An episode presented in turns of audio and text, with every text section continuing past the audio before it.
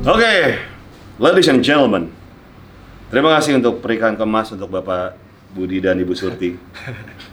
Kami ingin memberikan sebuah persembahan bagi perkawinan Mas ini yang meriah dengan eh, lagu dari The Massive yang berjudul Cinta Ini Membunuhku.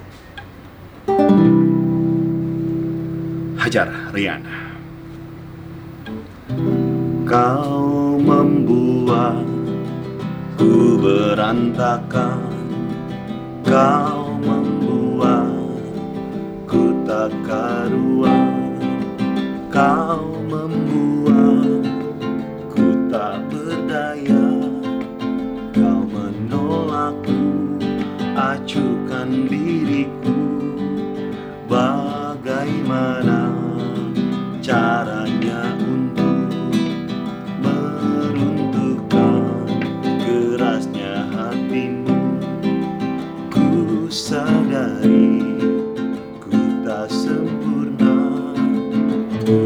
seperti yang kau inginkan. Kau hancurkan aku dengan sikapmu. Tak sadarkah kau telah menyakitiku? Lelah hati ini meyakinkanmu. Cinta ini membunuhku Assalamualaikum warahmatullahi wabarakatuh Waalaikumsalam warahmatullahi wabarakatuh.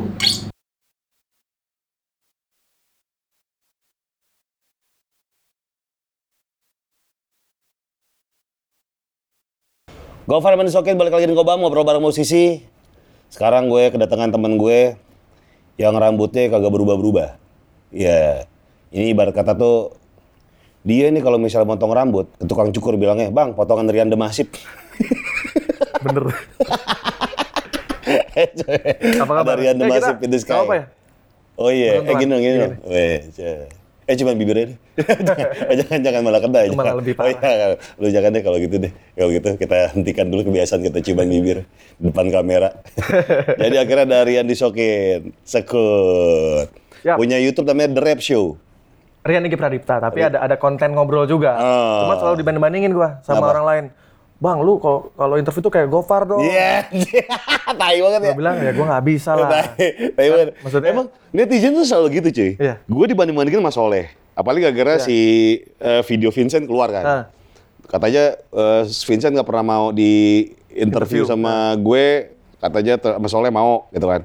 Ya dia kan nginep juga gitu. Iya, iya. Lagi motoran. Terus lagi minum-minum Ya, cantik. momennya juga pas, Pas kan. gitu. Ya. Tapi ya gue sih percaya ya setiap setiap apa namanya konten kreator tuh punya keunikannya sendiri-sendiri. Tapi kan gitu netizen selalu banding-bandingkan kan. Dan gue memang kan, gue kan or- orangnya memang agak kaku ya. Iya. Maksudnya untuk ngulik juga nggak akan sejago lu juga. Hmm. Karena kan lu kan basicnya adalah announcer yang memang biasa model, ngomong. model, biasa- model, basicnya model. Iya, model juga, catwalk kan. Catwalk, ya Terus, Victoria's Secret. iya, dengan- Gue banget. Dengan apa? Iya, lingerie. Lingerie gitu iya. kan. Jadi, ya- Ya kebetulan kan tubuh gue mumpuni ya. Iya. Iya, tuh lihat tuh. Ya, kan? Perut ajab ilahi nih. Pokoknya bodinya begini. Beh, gila. Set, set, set. Beh. Jadi nggak akan bisa lah gue menandingin lu gitu. Ah, enggak, enggak lah. Apalagi kan gue emang basicnya adalah Musisi. foto model kan. Oh iya kayak gua juga. Bener. Gitu. Dia ke model reka ulang pembunuhan kebetulan deh. Yang pas bagian ada kardus di sini tersangka sama golok-golok dari kayu. Dengan ekspresi yang gini. Iya. coba kamu cara mukulnya gimana coba? Bacoknya gimana? Gini, Pak. Yang kencang dan kencang. Udah begini Pak, Iya, modelnya gini. Pak. Sama dikerubungin warga gitu kan. Dengan tetap sama ekspresinya. Iya. Luar biasa model kita berdua. Eh enggak. Rian Masif disokin. Yang selalu dikait-kaitkan sama MU. MU. Iya. Ya. Ini MU kan lagi di bawah nih. Oh lagi bagus lagi sekarang. Bagus lagi. 11 kali pertandingan unbeaten. Wih. Nggak pernah kalah. Siapa sih yang jago sekarang? Rashford ya, Rashford. Rashford lagi cedera. Lagi cedera. Sekarang Bruno Fernandes. Oh Bruno Fernandes, Ya, baru masih dari muda tuh. Sporting Lisbon. Iya. Terus um, lagi bagus lagi tuh ada Igalo, dia pemain Nigeria Hmm. yang dipinjam dari Cina. Jadi Wah. dia pindah ke Inggris langsung tersebar corona tuh. Tapi karena- mau dia kena? Enggak, Oh. cuma kan dia dari Cina. Jadi sengaja memang dia di, di, di- diambil dari Cina dibawa ke ke Inggris biar corona nyebar, Iya. Liga Inggris dihentikan. Dia nggak main, gabut. Bukan, biar Liverpool nggak juara. Oh.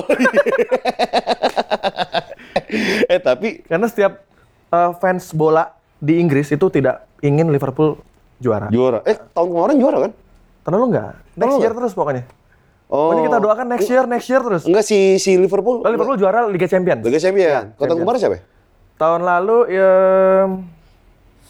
City ya? City. Ah, lu pengetahuan bola lu Persikabo doang sih. City, City. City. Juaranya City. City tuh, ya enggak. Eh, bener nggak sih City? Eh, MU, MU zaman paling keren pas zaman kapan?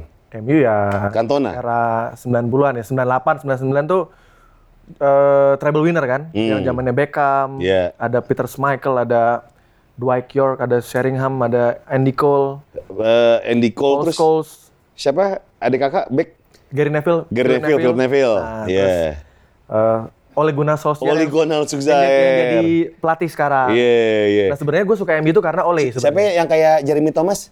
Ryan Giggs. Ryan Iya. Ryan Giggs, itu juga. Jeremy Thomas. Itu Iya. eh, formasi yang akan susah diulang lagi sih. Iya, men. Terus pelatihnya kan juga Fergie kan. Iya. Ferguson. Alex Alex Ferguson. Itu juga pelatih yang tidak pandang bulu kalau sama pemain bintang pernah kan si Beckham juga pernah dilempar pakai sepatu kan. Anjing yang bener. Iya. Sepatu. Maksudnya dia sampai segitunya gitu karena menurut dia sepatunya sepatunya apebut lagi yang sakit. Wah, gitu. makanya. Yang ada meteran banjir. Aduh, om ya, gitu. pokoknya menurut dia eh, pemain itu tidak tidak boleh tidak eh, boleh lebih besar dari klub. Oh. Katanya sebegitu. Oke. Gue tuh berhenti, pengetahuan bola gue tuh berhenti ke, di Shevchenko AC Milan. AC Milan berarti Iya. 2000-an ya? 2000-an. 2000-an. Kalau tim favorit gue zaman dulu tuh Arsenal. Henry. Zaman siapa? Henry. Henry, oke. Ljungberg, Bergkamp, Mark Overmars. Kanu Kanu, yo Itu juga lagi keren-keren Kanu, yo itu karena waktu zaman itu juga Arsenal lagi sempat eh, apa bikin rekor kan, nggak terkalahkan sampai berapa berapa puluh pertandingan gitu. Gue karena sukanya main PS dari zaman dulu. Hmm. Enggak, lu main PS gak sih? Main PS gue, gue game itu cuma main PS, Eh, ma- main bola, FIFA? FIFA, FIFA apa PES? Eh, Sekarang? PES juga, PES juga? Nah, PES juga main. Kalau FIFA sekarang pakai apa lu? Nah, jujur ya, gue udah lama nggak main Iya. PS. Gue standar anak rental, PSG. Lo, PSG. Nggak? Mbappe, Cavani, Di Maria, Neymar. Neymar, itu nggak? kenceng-kenceng semua tuh, bagus-bagus. Kalau nggak, kalau misalnya mau kencang lagi, Mbappe taruh kanan, Neymar taruh kiri. Kencang banget. pasti PSG pasti. Apa? Pasti PSG kalau PSG. main Sebelumnya Juventus. Juventus. Juventus biasa, CR7. CR7. Iya nggak? Kalau gue tetap mau apa pun tetap MU kan. MU lu. Nggak pernah ganti. MU ya terus pokoknya. Tapi MU pas zaman Lukaku gawat tuh di PS tuh. Lukaku ya. FIFA. Nah, cuma aslinya nggak. Iya sih kan? Nggak. Gila di sliding backnya yang yang tepar. Iya. Karena kuat kan dia. Iya Lukaku. Lukaku tuh Belgia ya? Lukaku tuh Belgia. Belgia. Nah, nah, Lukaku itu sebenarnya terinspirasi dari lagunya The Massive. Hmm, Iya, album pertama tuh The Massive ada judul lagu Lukaku. kayak gimana? Ada lah judulnya. Lukaku tuh? Lukaku judulnya. Wah, gokil juga ya. Tapi Berarti dia mas... ternyata kau ada yang memiliki. Wih. Sungguh kau buatku terluka. Nah itu dari situ. Iya, dari Lukaku. Oh, Eh, berarti... pas ada lagu itu Lukaku lahir langsung. Waduh, gila. Berarti masif mania ibunya. Masih first dia. Masif mania. Ma- Masif mania. Mantap gitu. Main Masif My Adventure berarti. ya? Ibunya Masif dia. mania banget. Gila, Masif Lisius. Masif holik. Kagak enak. Dan lu dikait-kaitin sama ini juga. Stone Roses. Ya. Ya. Ian Emang lu suka? Suka banget. Jadi Ah. sebenarnya gaya rambut ini sebenarnya berawal dari Ian Brown. Dulu gue SMP gaya model rambut lu tuh kayak eh, kayak lu cuy. Gitu ya? Karena kan zaman dulu Lu kan terkenalnya gitu dong? terkenalnya indies kan. Nah, Indies. Indies kan. Iya. Zamannya Pestol Air, Wonder Gel Ya, benar, gitu benar. kan. Pure Saturday. Pure Saturday, ya. bener gue inget banget nih. Gue dapat Pure Saturday itu dari bonus majalah High. Oh, Iya. Kaset ya? Kaset. oh Iya. langka tuh masih ada nggak? Gue bayarin. Ada yang ada demo berapa lagu Gue gitu. bayarin. Berapa? Ya kagak ada, udah kagak ada. Oh, udah nggak ada. Susah. Nih album yang perahu Album juga. nih. Iya, album perahu juga tuh. Itu lagi si ini kan Suar kan? Suar. Zamannya Suar Itu- kan. Waduh. Dan, dan Iya. kemarin gue sempat di acara eh, tahun lalu kalau nggak salah mereka reuni tuh. Hmm. Gue nonton, Hmm. jadi penonton. Tiba-tiba si eh Iyo, Hmm. Iyo eh, Iya. vokalisnya juga Iya. ngelihat gue di di depan panggung. Jadi kan gue jadi penonton nih. Hmm. Kan gue memang pengen. Wah, ngapain lu gitu? Kayaknya ada Rian tuh. Iya. Disuruh nyanyi gue malah. ya gue karena itu band idola gue, Iya. nggak dibayar pun gue Nyanyi. nyanyi. Oh. Nyanyi kosong. I- itu kapan? Oh, kosong. Iya. Oh. Kalau festival tahun lalu kalau salah. Hmm. Jadi reuni dan itu nggak akan terulang juga sih karena Suar nyanyi juga. Tapi sayangnya yang si kembar itu Ya. nggak ada kan hijrah kan? Hijrah. Iya. Udah nggak musik lagi. Udah nggak musik lagi. Perbedaan pendapat, Iya. gitu kan. Anggota, lu ada yang kayak gitu sih? Hijrah dan nggak, oh gue, gue nggak mau ngeband lagi. Kalau gua hijrah dari Celduk ke Bangka 7 itu namanya pindah. Karena kebanjiran kan lu. Eh, ya alhamdulillah kita sudah 17 tahun nggak pernah ganti personel sih. Oh, terus Kemarin baru baru baru ulang tahun tanggal 3 Maret, Hmm. terus tahun ini kita akan rilis double album. Hmm. Jadi kemarin habis rekaman di Abbey Road. Wih, serius loh? Iya. Kemarin dan eh, rencana akan rilis piringan hitam, CD sama digital. mantep. Bulan kapan cuy? Eh mungkin habis lebaran kali ya, habis lebaran. Itu- nunggu, nunggu corona selesai lah. Asli, asli. Ini corona nanti menjadi apa ya? Banyak rezeki-rezeki yang hilang ya. Sangat Lu sangat ada bangsat ada sekali ya ada event yang kan- cancel nggak? Eh, di bulan ini 8. Anjing. Gue tuh bulan ini tuh event off air itu ada tujuh yang di cancel, nge-MC segala macam di cancel semua. Dan gue emang rencana kan ada pengen bikin acara off air kan, kayak ngobam off air Hmm. Ya. gitu tiap tiap bulannya dan ini kayaknya dipending dulu nih. Agak ribet Ngobamnya sebenarnya. konsepnya gimana? Konsepnya nih ada yang ngobam kolaborasi Ah. merchandise, ada yang tour rencananya. Jadi tour ke beberapa kota. Tadinya kayak mau iya, terus kayak ya, uduh, ini kan lagi begini dan emang susah kan. Izin juga sudah didapat. Bahkan acara-acara yang udah dapat izin pun akhirnya dicabut Iya, lagi. bener-bener. DP hilang, semua hilang gitu kan. Bahkan pernah ada sa- satu ini cuy, kemarin gua habis dari eh, siaran kan, Hmm. mau datang satu event nih, acara mobil Eh. gitu, gue disuruh nge-vlog. Ha, hari hanya di cancel. Jadi kayak, waduh, Itu paling gak enak tuh. paling gak enak. Tapi gue nanya sama manajer gue, DP udah masuk belum? Masuk, aman. 50% biasanya. 50%. Ini bentar nih, gue kan bawa bawa apa eh, tim juga Iya. buat vlog. Tapi kok pada pada malah pada merhatiin ya. Lu ambil behind the scene kali. Tuh, tahu lu. Jadi ntar behind the scene-nya bisa dilihat di YouTube-nya si Rian ya. Dari tadi dia terpesona gitu Iya. lihat Abang Gopar Iya, ya. anjing. Ini ini cowok. Iya, coba Kalau gambar. persona sama cewek. dong. Iya. Ri- eh, YouTube apa, Yan? Rian Rian Eki Pradipta. Rian Eki Pradipta. Nama panjang. Iya. By the way kemarin gue nge-tag lu kan di Sasori kan. Hmm. Waktu Oh iya, lolos bener. YouTube Squad main. Bener bener bener. Gue mosing lagu yang sangat mosing sekali. Anjir. Ini cocok buat buat mosing gitu kan. Imo banget tuh. Yoi. Kau hancurkan aku dan Dan gue sebenarnya udah nyiapin t-shirt. Eh, T-shirt eh, spesial buat Bang Gofar. yang bener loh. Ya cuma kantor gue lagi tutup di Musika merchandise. Oh. Ntar gue kirim aja. Yoi. Jadi Cinta Munuku Metal Edition. Yang bener loh. Iya, iya. Ih. Jadi desainnya metal. Tapi Cinta Munuku. Jadi lu bisa make lah, nggak nggak terlalu malu-malu banget lah pakai kaos Massive. eh terus beberapa kali gue tuh ini tahu apa namanya ngelihat postingan si Aca sama lo. Oh, iya, Emang iya. gara-gara suka bola ya? Ya gue sama Aca kan sama-sama suka Persija. Kalau Ah, di jadi kalau em, yang eh, klub luar gue suka MU, kalau di lokal gue suka Persija. Oke. Eh, ya karena sebenarnya lebih ke gue juga harus bangga dengan klub lokal kan. Hmm. Dan memang campaign-nya juga gue pengen kayak di kayak di luar juga kayak penonton bola di Indonesia tuh bisa bener-bener dia nonton bola Hmm. bukannya malah saling berantem atau kan di- lu tahu sendiri kan kayak sekarang tuh rivalitas klub di Indonesia kan luar biasa ya sampai Memang memang pride kan masing-masing memang sangat besar Iya. gitu kan. Dan itu nggak bisa dihilangin cuy. Iya, sebenarnya rivalitas nggak apa-apa, Ya. tapi jangan sampai ada nyawa yang Ya.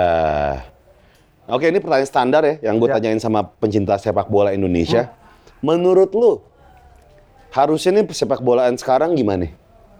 Sebenarnya gini, dengan apa ya antusiasme penonton atau pencinta sepak bola yang sebesar ini harusnya ini bisa jadi industri yang besar juga gitu. Oke. Kayak sekarang contoh di kayak di- kemarin ada berita di Liga 2 ternyata banyak sekali eh, pemain-pemain yang belum di gaji, Ah. belum belum dibayar gajinya gitu. Jadi sebenarnya dengan dengan eh, apa supporter yang fanatik seperti ini, in- ini bisa jadi industri yang besar seperti Liga Eropa. Ya. Cuma memang ya harus dimulai dengan eh, yang yang memayungi sepak bola Hmm, kita ya. PSSI. Ya harus beres dulu gitu kan. Dari dulu kan memang belum beres-beres nih. Iya. Maksudnya- Apa sih yang nggak beres itu apa sih dari segi organisasinya? Atau orang-orangnya salah? Sebenarnya orang-orang ini nggak nggak cocok buat Nah, PSSI gua nih. gua nggak nggak gua takut salah ngomong juga ya. Cuma Hmm. Nggak apa kok yang yang yang tahu kita berdua doang. gitu ya. Tapi Iya. ntar yang oh, iya. nonton banyak. Oh iya, ada ya ada kamera. Nah, sebenarnya eh harus harus paham dulu sih. Jadi sepak bola ini kan sebenarnya udah bisa jadi industri. Hmm. Nah, kalau peraturannya juga belum ketat, kayak misalnya banyak sekali contoh misalnya udah udah disuruh penonton untuk tidak membawa eh, benda apa gitu. Tapi kan masih ada. Ada. iya. Terus eh, kayak misalnya ada yang apa terjadi pengerusakan stadion. Nah, harus Hmm. itu di bener-bener apa kayak dikasih sanksi yang berat. Nah, Hmm. kalau di luar negeri kan lu bikin sesuatu, lu kayak contoh misalnya ada ada penonton nih, lu masuk stadion dibikin rusuh, lu bisa seumur hidup nggak boleh datang ke stadion. Tapi kan dari sebanyaknya orang ini kan kita nggak tahu siapa pelaku pelakunya. Kalau eh, contoh kemarin eh, kalau di beberapa di, di Liga Eropa kayak gitu, jadi kan ketahuan misalnya dia bikin rusuh nih, Iya, iya, kan ketahuan ada CCTV dan Oh iya ya muka mukanya gitu. ya. mukanya bisa- Nah, kalau pakai masker gitu? bisa ketahuan kok. Bisa ketahuan ya? ketahuan. Jadi sebenarnya lebih ke apa ya eh, peraturan yang diperketat, terus Hmm. eh, kesejahteraan pemain itu juga ngaruh. Bayangin kalau misalnya pemain itu benar-benar sejahtera, ya kayak- sebenarnya kayak, kayak musik sih sama. Kalau musisinya sejahtera atau pemain sepak bola sejahtera, pasti kan industrinya pasti sehat kan. Betul Kayak betul. misalnya gua, gua disuruh bikin lagu, Ah, tapi di di depan mata nih gue dikasih duit 10 m. ah. Gue bikin sehari bisa 20 album bisa. iya kan? juga ya. Iya Bayangin juga kalau ya. kita lunas di depan, Iya. LDD. Hmm. Segala pekerjaan kita bikin LDD. Iya iya iya. Kan kita pasti seneng dong. Iya. Enak Oh, nih. Iya. Bisa kita mau bikin apa? Eh, ini gue bayar dulu ya. 1 M. Iya, lu bikinnya tuh. Lu semangat ya kalau Semangat gua. coba kalau industrinya seperti itu. Wah, itu bakal industri kreatif bakal gila sih. Iya sih ya. Penghargaan untuk seniman, untuk untuk untuk eh, atlet, untuk olahraga. Kayak contoh banyak sekali pesepak bola yang di era di zaman itu tuh eh, kayak banyak kontribusi untuk Indonesia, Hmm. ngasih medali emas, bikin banyak gol untuk untuk Indonesia. Pas tuanya nggak diurusin, banyak Hmm. banyak banget kan kayak gitu. Musisi juga begitu. Di di zamannya dia eh, sangat besar dengan hits-hitsnya Hmm. di hari tua. Kalau sakit harus penggalan dana. Iya. Nah itu, Jatuhnya kayak gitu-gitu lagi. itulah gunanya LMK. Sekarang Iya. yang akhirnya berdiri seperti contohnya Wami. Iya. Wami. Oke. Nah, tapi apakah si payung kita ini kita ngomongin soal Wami gitu Ya. cukup bisa mensejahterakan musisi ini? Karena banyak banget musisi yang bilang kayak contohnya kayak gue kemarin ngomong sama Ian Kasela Ya. gitu kan. Masih dia tuh masih kayak berpikir bahwa ini nggak adil nih Wami nih. Hmm. Masih ada busuk-busuknya gitu. Nah, jadi gini, eh kita nggak boleh apatis sama industri. Hmm. Kalau kita mikirnya negatif, ya akan jadi negatif. Ya. Kebetulan kemarin tuh eh gue sudah beberapa tahun ini jadi jadi BOD-nya Wami kebetulan. Hmm. Selain jadi anggota juga jadi BOD. Kenapa jadi BOD? Karena gue juga perlu belajar dari dari eh, industri ini tuh seperti apa. Hmm. Bagaimana pendistri- pendistribusian royalti ke Hmm. pencipta lagu. Hmm. Kalau Wami itu kan memang membawai pencipta lagu dan Ya. pencipta lagu itu eh adalah jantungnya lagu. Hmm. Bayangin kalau nggak ada pencipta lagu nggak ada lagu kan? Bener. Bahkan ini contoh ini contoh kecil ya. Orang sering tidak tidak me- menjalankan eh, apa yang harusnya diterima sama pencipta lagu. Contoh pen- ada penyanyi dapat dapat awards nih, dapat misalnya dapat AMI gitu ya. Nah dia nyanyi lagu lagu si pencipta lagu itu. Hmm. Kadang su- suka lupa disebutin pencipta lagunya. Yang disebutin tuh keluarganya, Yeah. pacarnya, Yeah. label. Dia suka lupa. Ada pencipta lagu yang men- menciptakan lagu lagunya. Heeh. Itu namanya hak moral. Jadi ketika kita mencantumkan nama pencipta lagu, itu hak moral namanya. Jadi itu penting banget sih. Kayak contoh gue bikin Itu, lagu, itu memang udah ada tertulis. kan ada, ada ada hak moral, ada hak ekonomi. Oke. Nah, hak moral itu ketika kita mengakui bahwa dia yang menciptakan lagunya. Hmm. Kayak contoh, gue bikin lagu kan buat Afgan, buat Noah dan buat buat Rosa gitu. Hmm. Gue seneng tuh ketika Rosa di Instagramnya bilang karya ya, Rian Dipta gitu. gitu. Iya. Itu suatu kebanggaan gitu. Nah itulah namanya hak moral. Tapi kalau hak ekonomi ya itu yang memang ada royalti yang harus di, di- diterima sama Oke. pencipta lagu. Nah LMK itu sebenarnya bisa dibilang melindungi pencipta. Karena Hmm. gini, kalau misalnya lu bikin lagu nih, lu teriak-teriak, wah gua nggak dapat royalti nih. Nah, tapi lu tidak ada lembaga yang mema- memayungi lu. Oke. Apa, eh, lu tidak terdaftar di LMK Hmm. atau di publisher. Ya gimana lu mau bisa dapat royalti? Karena kan yang mengkolek itu kan harus lembaga yang memang eh, punya punya apa yang yang bisa mengkolek itu gitu. Nah, kalau misalnya lu nggak nggak didaftarin, misalnya lu tidak mendaftarkan karya lu ke LMK, ya lu tidak dapat apa yang lu mau gitu. Makanya ketika eh, gua ada di WAMI, gue jadi anggota WAMI juga, ya berasa sih. Maksudnya eh, dalam setahun itu ada ada enam kali distribusi. Hmm. Ntar, ntar gue takut salah gue. Hmm. Jadi di jadi Itu udah WhatsApp masuk nih, gue balesin dah. Bentar. Jadi di, di UAMI itu distribusi dilaksanakan setiap tahun Iya. dengan jadwal untuk yang general, general itu non digital dan non live performance di, di bulan Juni. Hmm. Nah, terus untuk digital distribusinya di April sama Oktober. Nah, untuk live performance itu di Maret, Juli dan November. Nah, Oke. jadi gini, ketika contoh gue udah masif ya, gue manggung semakin banyak manggung, itu royaltinya akan masuk lagi ke gue sebagai pencipta lagu. Hmm. Karena penyelenggara itu kan dikolek sama LMK Hmm. untuk membayar royalti. Biasanya 2% dari eh, kalau di tiketing. Manggung? Ya, enggak, dari dari tiketing biasanya. Oh dari total tiketing Ya, total, total tiketing misalnya 2%. Atau misalnya dia tidak tiketing dari produksi. Ngitungnya dari biaya produksi? Ya, kalau misalnya dia tidak tidak Oh misalnya, jadi a- a- acaranya free misalnya. ya ya ya. Nah, itu bisa bisa dikomunikasikan juga. Oh. Nah, itu hasil itu yang dikolek itu akan masuk ke pencipta lagu. Oke, taruh. Eh kalau misalnya bikin event, kalau misalnya ada tiketing, Hmm. dari total tiketing itu 2% buat si bandnya. Eh, buat si Pencipta lagu? LMK, buat LMK. Buat LMK. Oke. Nah, nanti eh, distribusinya itu terg- tergantung dengan lagu ter- tergantung sama karyanya. Hmm. Kalau karyanya itu memang diputar banyak orang, misalnya contoh yang masih diputar eh, di mana-mana kan ya cinta ini membunuhku. Ya. Nah, gue termasuk pencipta lagu yang lumayan dapat royaltinya Hmm. gitu sampai sekarang karena kebetulan juga kan lagu-lagu The Massive memang hampir semua gue yang bikin. Hmm. Terus ada lagu-lagu yang gue, bikin buat orang juga kayak buat Noah itu hidup untuk memati tanpamu. Liriknya gue yang bikin, ada Rosa, ada Afgan juga. Hmm. Dapat tuh royalti semua tuh. ya? Itu dapat. Wah kaya dong lo. Alhamdulillah. eh, alhamdulillah. Amin. Amin. Alhamdulillah, amin, gitu. Dan itu sebenarnya gini, Aman, teman. eh, royalti itu akan turun temurun. Jadi nggak cuma ada di gua, Anak cucu lu bakal itu dapat gua akan dapat warisan. warisan. Jadi sebenarnya ya harta aset gue tuh adalah lagu. Bahkan eh, ke depan katanya lagu itu bisa bisa jadi aset juga, bisa jadi aset untuk jaminan perbankan. Ya. Jadi misalnya contoh misalnya gue mau mau KPR atau mau minjem duit gitu ke, Ke bank. bank. Jaminannya apa? Bukan rumah lagi, bukan tanah. Tapi Tapi lagu. kasih handphone lu. Nih lagu gua gitu. Eh, terg- maksudnya ya lagu yang sudah rilis ya. Contoh misalnya Hmm. Jangan Menyerah itu kan bisa dihitung. Itu rencana akan seperti itu.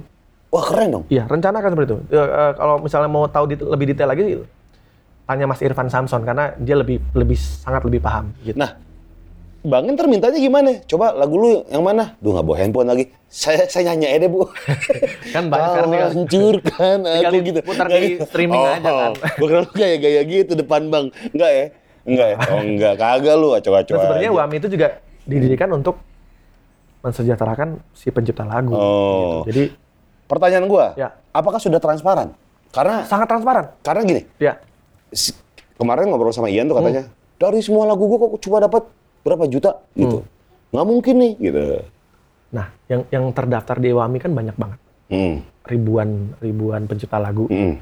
Terus yang di, yang didistribusikan eh, royaltinya itu adalah lagu-lagu yang memang sampai sekarang masih diputar.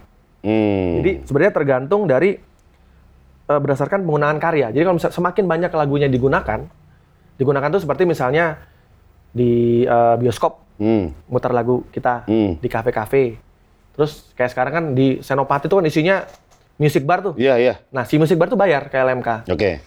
Makanya kan sekarang biasanya kalau misalnya contoh kita manggung di Kalau bayar tuh per paketan atau gimana sih? Karena kan LMK nggak bisa biasanya per ngontrol. tahun. Per tahun bayarnya. Oh, maksudnya paketan gitu? Ya, per tahun. Oh. Per tahun. Tapi kan apakah mereka gini gini? Gue gua gua nggak ngerti sistem ini. Makanya gue nanya lo. Misalnya pada bar-bar ini eh, apa namanya bayar royalti per tahun gitu kan dengan nilai sekian.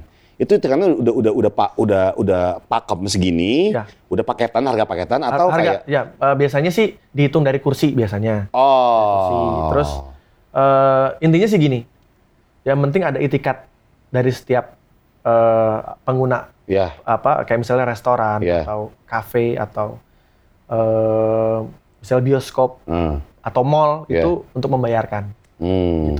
Tapi lu kan nggak tahu gitu, LMK kan nggak tahu gitu, Huami juga nggak tahu.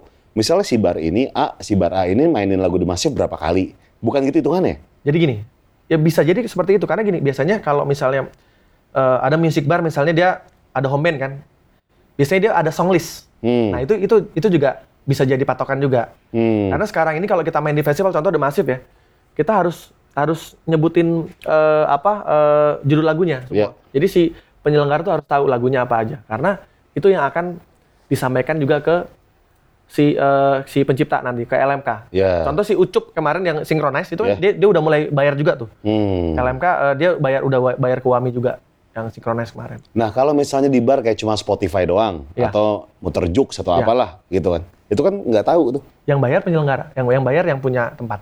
Oh, bisa tempatnya. Jadi gini, eh Tapi kan si Spotify udah bayar loh, karena dia udah otomatis ngeplay. ya kan beda. Karena Itu, itu, itu udah beda, udah, beda urusan ya. Udah beda urusan karena kan ini kepentingannya adalah si si kafe ini jadi rame karena mutar lagu. Hmm. Bayangin kan sekarang kan lagi musimnya karaoke nih, Betul. kan di mana-mana mutar Iya. lagu udah masuk kayak Hmm. kemarin lu mosing kan.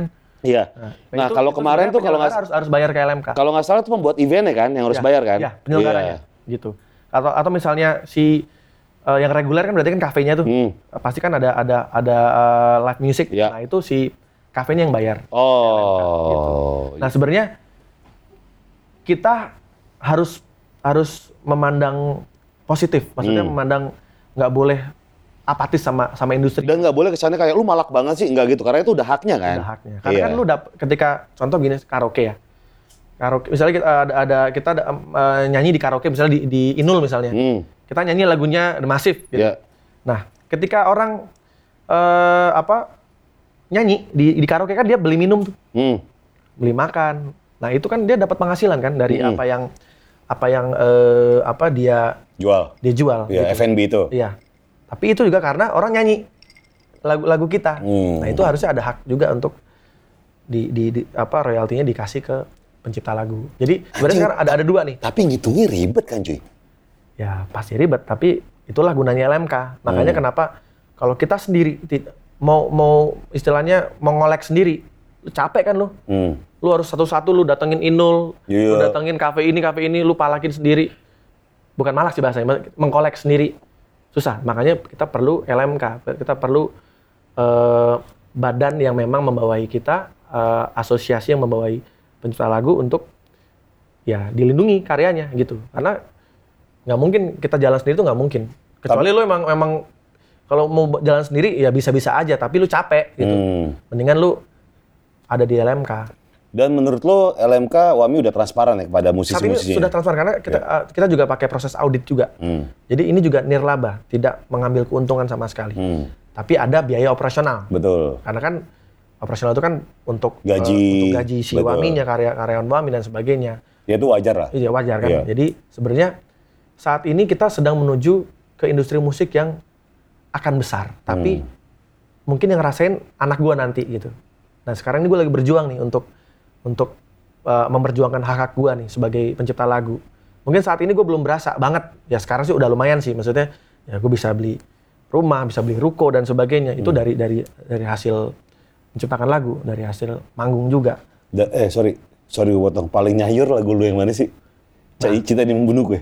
Orang orang tahunya Cinta yang Bunuh kan? Eh. Tahu nggak apa? Apa? Rindu setengah mati. Serius lo? Paling nyayur di situ. Rindu setengah mati kepadamu. Paling nyayur di situ. Itu RBT-nya 12 juta download. juta. Anjing. Itu gila sih. Ya, jadi sebenarnya Gua pun juga nggak nyangka juga sih lagu itu bisa jadi eh, apa di download terbanyak gitu Hmm. karena saat itu gua nggak nggak yakin dengan lagu itu gitu karena aransemennya menurut gua anti klimaks Hmm. jadi kayak cuma selewat gitu ya nggak taunya malah orang suka ya itulah seni kadang-kadang kita nggak pernah tahu Kita nggak tahu tuh pasar juga Iya, ya, sukanya dan- yang mana ya. cinta yang bunuhku itu tadinya gue tidak yakin itu akan jadi single pertama bahkan gue tidak nggak milih lagu itu untuk jadi 2008 itu. 2008 tapi Bu Acin Musika Hmm. eh, eksekutif produsernya Musika memaksa untuk ini nih harus Lagu ini nih. lagu ini dan judul dulu judulnya lelah Oh, kalau lelah hati Nah, ini. terus kata Bu Acin, jangan lelah dong, nanti Capek, capek. penjualannya lelah nanti. ya, maksud saya kalau apa Gimana kalau judulnya pegel? ntar sering-sering ke Oh, ini. Iya, mijet. Panti. Jangan dong. Iya. Yang keluarga ya. Mijet itu yang keluarga, jangan jangan yang milih foto. Kalau milih foto yang belakang itu sering. Gimana, Gi? Masa mijet milih foto? Terapis kok milih-milih? Ada aja nih. Ah, ada aja. Iya. Berarti cinta ini membunuhku nih. Yang eh sorry si siapa? Eh, yang paling nyayur tadi lagunya? Nyayur eh, rindu setengah mati. Rindu setengah mati. Yang kedua itu jangan menyerah. Hmm. Jangan menyerah kalau nggak salah sekitar 8 juta download ya. Hmm.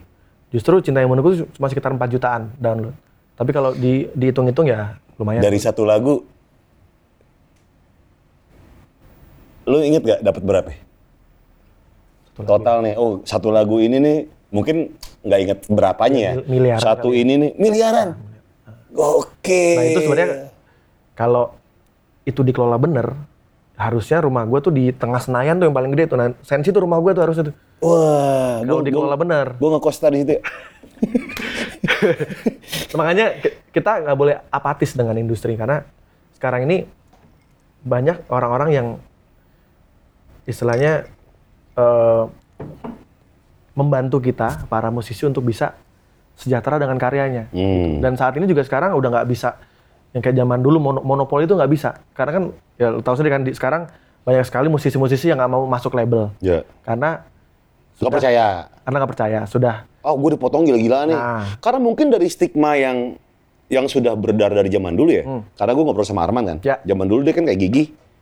Dia tahu bahwa ini lagu booming atau enggak dari orang-orang di sekitarnya nyanyiin gitu kan. Kayaknya lagu gue yang janji booming deh Iya. gitu.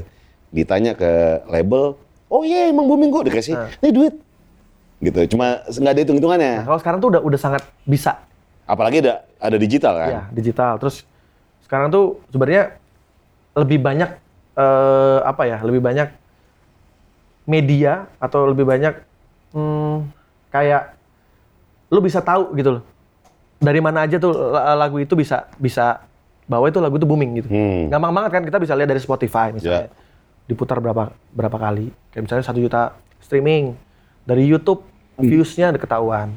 Terus eh, sekarang kayak misalnya gue gue gue kan sering kadang-kadang suka nongkrong di music bar gitu ya. Hmm. Ternyata lagu The Massive sering dibawain juga. Nah, itu kan Hmm. sebenarnya eh, itu pem- pemasukan buat kita juga buat buat si pencipta lagu, buat Iya, iya. musisi. Dan sekarang itu udah udah ada lagi nih LMK Prisindo. Nah, Prisindo itu untuk untuk performer. Jadi Oh, jadi ada band lain yang mau cover lagu. jadi gini, begini. Prisindo itu kalau eh, Wami kan untuk pencipta lagu. Iya. Kalau Prisindo itu untuk si pem- pemusiknya. Ah, Jadi oke. contoh misalnya gue penyanyi tuh gue dapat lagi royalti. Jadi, enak ya. Iya. Drummer dapat royalti juga. Basis dapat royalti. Gitu. Jadi sekarang itu sebenarnya udah mulai, udah mulai istilahnya udah udah mulai pelan-pelan gitu, bagus gitu. Tapi memang kalau kita ngarapin kayak penghasilan kayak di Amerika setahun 1,1 eh, juta US dollar, Hmm. eh, 1 1,1 miliar US dollar, ya Seger ya, juga ya. ya mungkin masih lama ya tapi paling tidak kemarin terakhir itu tahun lalu kalau nggak salah Wami itu mengkolek sekitar hampir 100 miliar ya 100 miliar. Iya. Itu dari apa? untuk pencipta lagu. Untuk pencipta lagu. Iya, ha. Wah, gokil. Berarti industrinya udah makin oke nih ya. Ngatur-ngaturnya nih ya. Makin sudah udah pelan-pelan tapi memang kita jangan ngarepin Sejahtera kayak luar dulu gitu jangan ya. ngarepin kayak Amerika dulu Iya, jangan. yang kayak lu dari lagu Yesterday satu tuh bisa Iya. cucu lu bisa bahagia gitu. sampai seribu turunan. Iya, gara-gara satu lagu Yesterday doang Ya, gitu. Kayak contoh Eagles kan Hotel California. Iya, sampai sekarang tuh kaya tuh. Sekarang. Lu bayangin kayak Michael Jackson kekayaan dia udah aduh Asli, asli. bingung deh pokoknya. Jadi sebenarnya akan berasa sih nanti buat buat anak gua dan anak cucu gua nanti sih sebenarnya. Tadi lu sempat nyinggung soal RBT. Ya. Banyak musisi yang apatis sama RBT kayak ini sama minum ya? sekali. Sering juga nih tadi. Minum, minum, minum. Ternyata. Minum, minum. RB. Ini teh ya? Teh dong, gila. By the way, dia nggak minum sama nggak ngerokok. Iya. Pertama kali gue tanya, lu mau bir atau apa kak? Oh enggak, gue nggak alkohol. Gua nggak meh. Iya. Hah? Gua nggak me, Nggak meh apa? gua nggak merokok. Nggak merokok dia. Tapi di Jadi dia disundut-sundut ya, disundut-sundut merokok. Gini, disundut-sundut gitu. Jadi lu nggak ngerokok apa nggak? Nggak nggak minum ya? Apa? Nggak minum loh. Enggak. Dari dulu Ya minum lah air putih. alkohol nggak? Enggak. Rokok nggak? Enggak. Tapi pernah? Enggak pernah. Dari dulu? Enggak pernah. Yuk. Jadi satu band itu yang Nar- narkoba tapi narkoba? enggak, enggak pernah melihat. Nggak pernah, nggak pernah juga. Enggak pernah. Jadi seband itu berlima, Remasif itu yang ngerokok cuma basis. Alkohol? Yang lain enggak, alkohol juga enggak. Gokil. Ya kita biasa eh, majelis taklim kan biasanya. Oh iya iya sama gua waktu itu kan. Iya. Lu lupa apa? Iya lupa gue. Aduh, sorry sorry sorry. Lamaan lu udah nggak udah jarang Iya. mampir sih. Si, Ah, anak-anak baik tapi ya? Baik. Baik. ya. Ntar kita mampir lagi si, ke si. Gofur sih udah udah jenggotan kan. Serius lu? Gofur. nah. Barudin? Barudin baru sunat kemarin. Oh, anjing udah lama banget ketemu. Iya. Gila gila. Ansor? Ansor sekarang jadi Kayak teman lama. Kayak teman lama.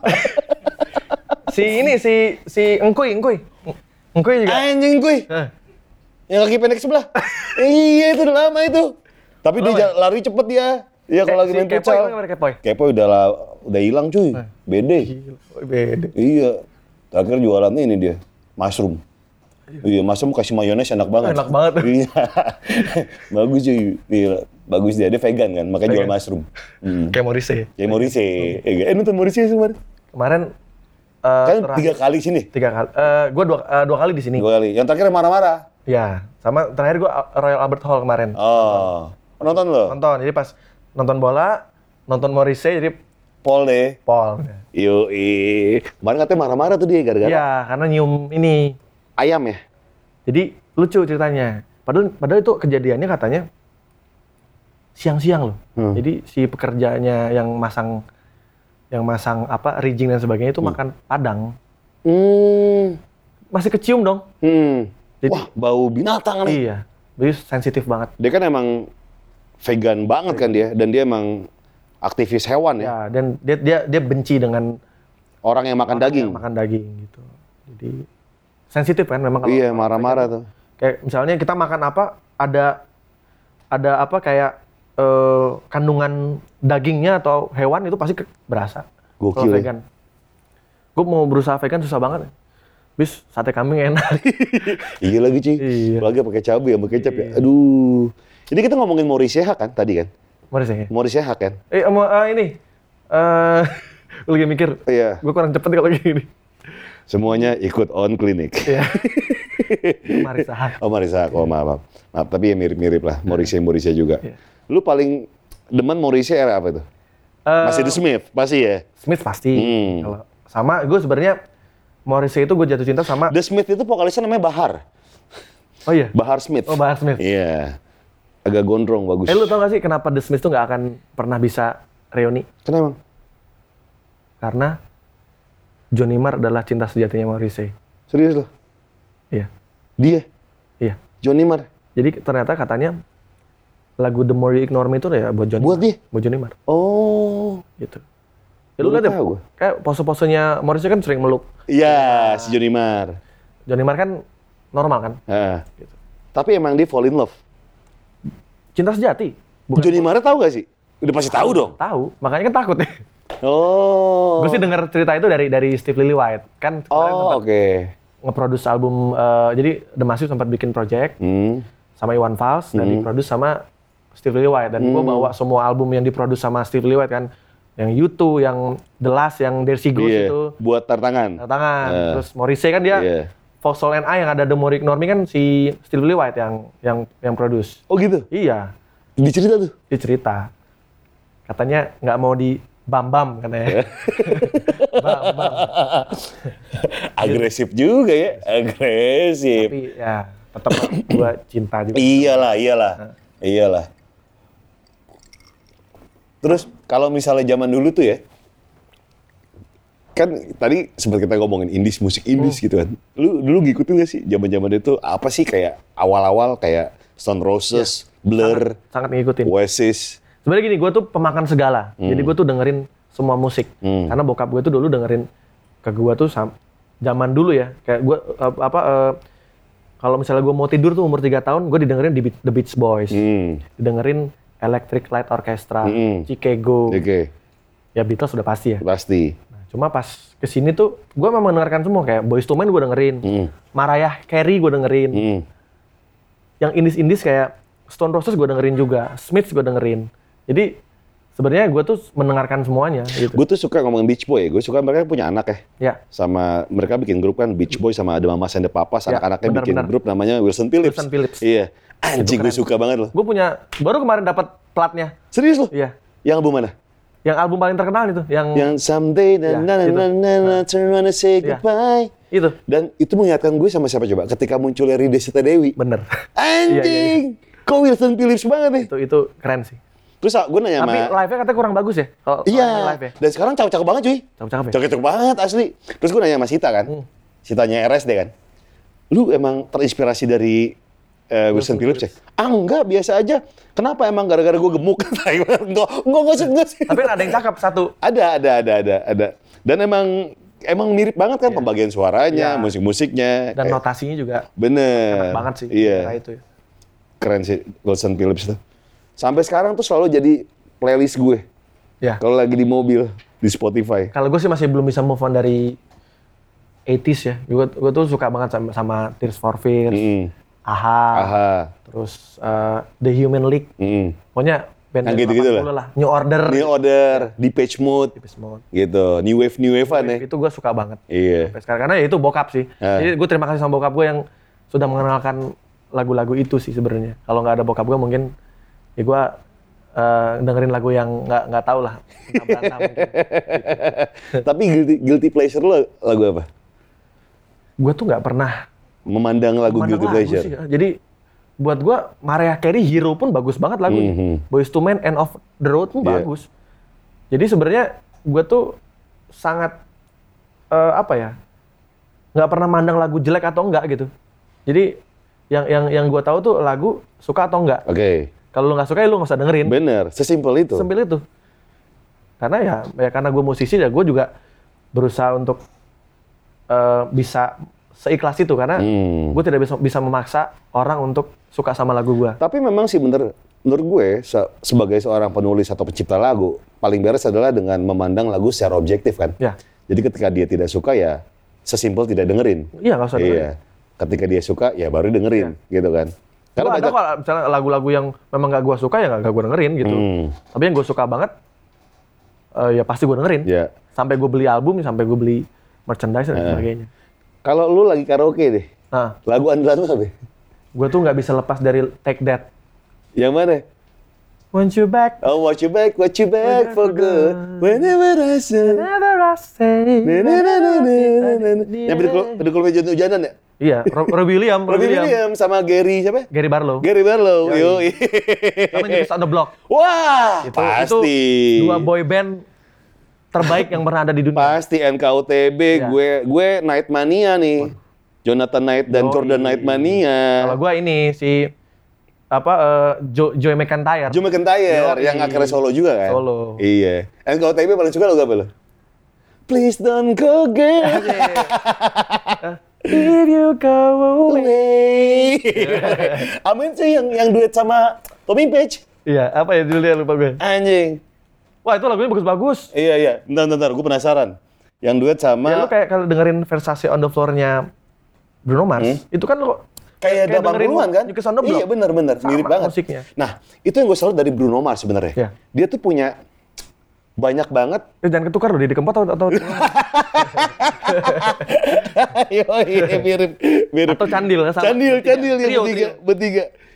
si Bruno Mars tuh jenius tau cuy. Dia bisa membawa tuh Jenius. 80-an, 90-an jadi lagu baru. Ya, dia tuh menggabungkan antara Michael Jackson, eh, Bob Marley, bahkan sampai yang Iya. Itu kan Ini ini banget, uh, The Police banget. Iya, banget. iya bener. Jadi sebenarnya eh, itu jenis Asli sih, keren sih. keren. Yang apa yang lagu pakai piano doang tuh yang mirip Michael Jackson. Ada tuh si Bruno Mars anjing gue lupa lagi. Iya, itu, iya. itu itu itu juga anjing nih lagu nih Michael Jackson Dia, banget. dia tuh nih. memang nyampur itu sih. Maksudnya dia eh, unsurnya Michael Jackson, Bob Marley, ada Stingnya itu Hmm. dica- dicampur. Tapi jadi keren banget sih. Bentar gue lagi penasaran. Search aja. Nanti Search. kan udah era digital. Jadi Iya, Tommy Page sama kok Tommy Tommy lu, ba- lu bayangin kalau kita ngobrol nih tahun 90-an. Ah. Lu apa searching apa searchingnya gimana? Gini-gini nih. Lama kok, apalagi kolek, koleksi lu banyak kan? Iya, iya. Terus, wah anjing, side B lagi. Kusut lagi? Oh, I'll be your everything. Oh. Ya, I'll be your everything. Terus yang ini, yang this one for this one for children. Oh, ini. For all the children. Children. Na, na, na, na, na. Iya, iya, NKTB. Tapi Jordannya itu emang tinggi banget sih suaranya sih. Sampai sekarang masih tinggi gak sih? Ma, nggak tahu deh. Tapi kan, Kan udah- mereka udah gede re- reuni lagi kan. Reuni. Nah, terakhir nah itu gue nyesel tuh waktu dia NA, NKOTB BSB. sama BSB gue nggak Oh, gua nonton. nonton, gua nonton. Gua nonton. Wah, lu tahu nggak yang bikin seru apa? Bikin seru apa? Ketika NKOTB, sebelah gue Mahmud, Mahmud, man. MILF, Mom I like to Dapat follow. Dapat kan? Hah? Dapat langsung. Dapat gue. Berapa? Eh, waktu itu gue yang gue yang dibungkus sama security karena rusuh. NKOTB, BSB, yoi gak. Eh, kalau Mantap. boy band yang ke sini One Direction suka nggak? Gue sama Harry Styles suka sih. Keren ya? Yang Iya, solonya iya, bagus ya? yang solonya bagus. Suka gue. Nah, itu keren sih. Kalau yang baru-baru ya, karena menurut gue si One Direction ya lama-lama kan dewasa Iya, musiknya. iya. Dan, Dan lu, Inggris banget. dan lu sadar nggak? One Direction tuh memecah eh, apa kayak memotong dominasinya Korea. Hmm, betul betul. Pas betul. dia keluar tuh langsung Bener. belok gitu. Iya, karena kan zaman zamannya pusat cowok-cowok ganteng Iya. itu kan Korea tuh. semuanya Korea kan. Terus tiba-tiba One Direction hadir. Tapi sekarang keluar lagi BTS udah selesai lagi. iya, kelar lagi udah. Anak gue soalnya suka banget BTS. Iya, men. Eh, tapi kenapa menurut lu Korea semasif itu, men? Serian the masif itu? Eh, karena terstruktur ya. Iya. Tapi keren sih, cuy. Lu bayangin, orang nggak tahu bahasanya. Eh, Tapi gila-gila orang dengerin. itulah musik universal. Maksudnya Nah. gini, gue kemarin ada pengalaman Om Iwan Fals sama Steve Lillywhite rekaman. Hmm. Itu kan Om Iwan mungkin nggak terlalu bisa bahasa Inggris. Hmm. Yang satu ngomong bahasa Inggris, nyambung. Hanya dengan dek dek dek gitu ada pakai bahasa gitu nyambung. Jadi Hmm. memang ya kayak Siguros kan pakai bahasa Iceland kan. Iya. Itu juga kita bisa sampai kayak halu juga dengerin Betul, musiknya. betul. Nah, Korea sekarang ya Korean Invasion kayak dulu kan British Invasion. Mhm. Nah, sekarang emang bener-bener menguasai industri ya. Kayak sekarang contoh lah yang lagu Zico, Oh. yang Any Song. Hmm. Teng tereng tereng teng. Iya. Yang Teng, TikTok. Yang TikTok. Nah, itu tak Eh, gue Cuma kirain, cuma nah, Iya. gua kirain tuh lagu-lagu lagu bule lagu Amerika gitu ya. Ternyata Korea. Ternyata Korea bisa sampai se nge, sebre- apa bisa nge-brainwash orang untuk gila gitu. Yang pada akhirnya mereka kayak interest untuk mempelajari bahasa Korea. Itu menurut gue Iya. jenius tuh, cuy. jenius banget sih. Itu itulah memang harus dimulai dari negaranya, harus dikelola benar tata kelolanya.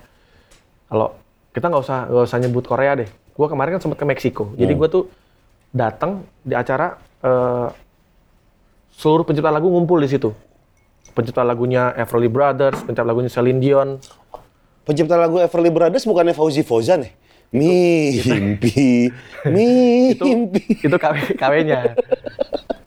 Pokoknya Sekarang, sekarang jadi country nih.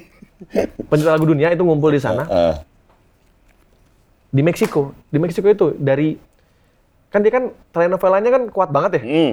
Kayak dulu kan Maria Ma- Maria Mercedes Maria Mercedes, Ah. eh, Maria Belen gitu kan. itu kantor kantor WAMI-nya misalnya gitu, LMK-nya kalau Hmm. di sini WAMI kan di sana tuh namanya gue lupa. Ntar eh, ntar gue cari. Itu kantor itu gede banget. Hmm. Bener-bener yang tamannya luas sampai segitunya. Jadi ternyata industri di sana tuh bagus banget. Pencipta lagu ya seja- sejahtera bener di sana. Itu Meksiko, gimana Amerika. Korea udah pasti. Padahal Meksiko masih ibarat kata masih ya sama-sama sama Indonesia lah ya negara berkembang juga Iya. gitu. Tapi industri musiknya sangat mensejahterakan si musisinya.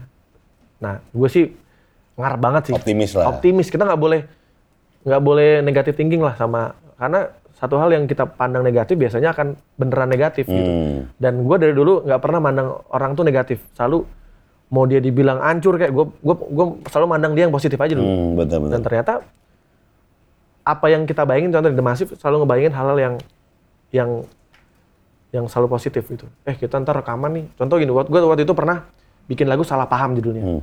Itu ada di album keempat. Itu belum jadi, baru nana-nana doang. Gue si Rama megang eh, megang piano gitaris gue, megang piano gue bilang, Ram ini kayaknya gue bikin klip sambil sambil asap-asap asik nih, asik nih Iya. di Eropa asik. Nggak taunya, setahun kemudian kita dapat kesempatan manggung di Irlandia. Dan Us. lagu itu bikin klip di situ. Ini kejadian nih. Jadi apa yang gua bayangin setahun sebelumnya itu kejadian. Gue bikin video klip lagu itu di Irlandia. Bener-bener ada asapnya. Hmm. Nah belum lama, ajaib lagi. Di 2012 gue pernah bikin cover album, album ketiga. Itu ada poster The Beatles Iya. yang nyebrang di Abbey Road. Jadi harapan gue waktu itu kalau ditanya media, Apa mimpi lu nih? gue pengen suatu saat kita juga bisa rekaman di sana. Hmm. Bisa Jadi sekarang. Kemarin Iya. rekaman di sana. Dan itu itu diingetin gue sama ada namanya eh, dulu me- eh, wartawan Hai, Ata namanya, Hmm. si Ata. Atau Ata ya? Ya. Ah. Dia bilang, eh, gue inget banget nih, lu dulu bilang lu pengen kayak Birut, makanya lu ada poster The Beatles di Hmm. di cover album lu. Ternyata kesampaian, gue pun lupa kalau ternyata gue pernah ngomong itu. Gue diingetin sama si Ata itu komen di Instagram. Jadi ternyata ya, seperti industri musik kita nggak boleh nggak boleh Pesimis. apatis, nggak boleh Ya. apatis, nggak boleh pesimis. Kalau emang lu sudah jalannya masuk, memang independen ya udah terusin aja. Kalau kita memang ada di jalur major label ya udah terusin. Sekarang udah label sih? Gue musika, masih di musika. Masih musika? Masih musika. Dan sampai saat ini kerjasama kita masih sangat bagus. Jadi Banyak banyak banyak orang yang kayak tanda kutip trauma sama label. Biasanya kenapa sih cuy? Cuma salah paham atau gimana sih? eh Katanya nggak jelas pembagiannya. Jadi gini. Terlalu kayak di ah ini mah kacau nih gue dipotongnya nih gitu. Hmm. jadi memang sebenarnya balik lagi bagaimana kita memulai sebuah perjanjian. Hmm. Itu itu ja- jadi jadi cikal bakal lah perjanjian itu enak atau enggak. Jadi sebenarnya yang penting adalah kita punya punya level yang sama nih. Karena kebanyakan yang gua tahu ya selalu berat sebelah kontraknya. Jadi kita tidak punya keputusan Iya. juga. Nah kalau The Massive kita punya keputusan yang sama. Oke. Dan tujuannya satu, sama-sama seneng. Kan Hmm. label juga spend duitnya gede juga Betul, buat promo. buat promo. Dan gue tahu miliaran di, di- Hmm. di- di aw- aw- awal tahun awal album The Massive itu miliaran musika untuk spend The Massive. Hmm.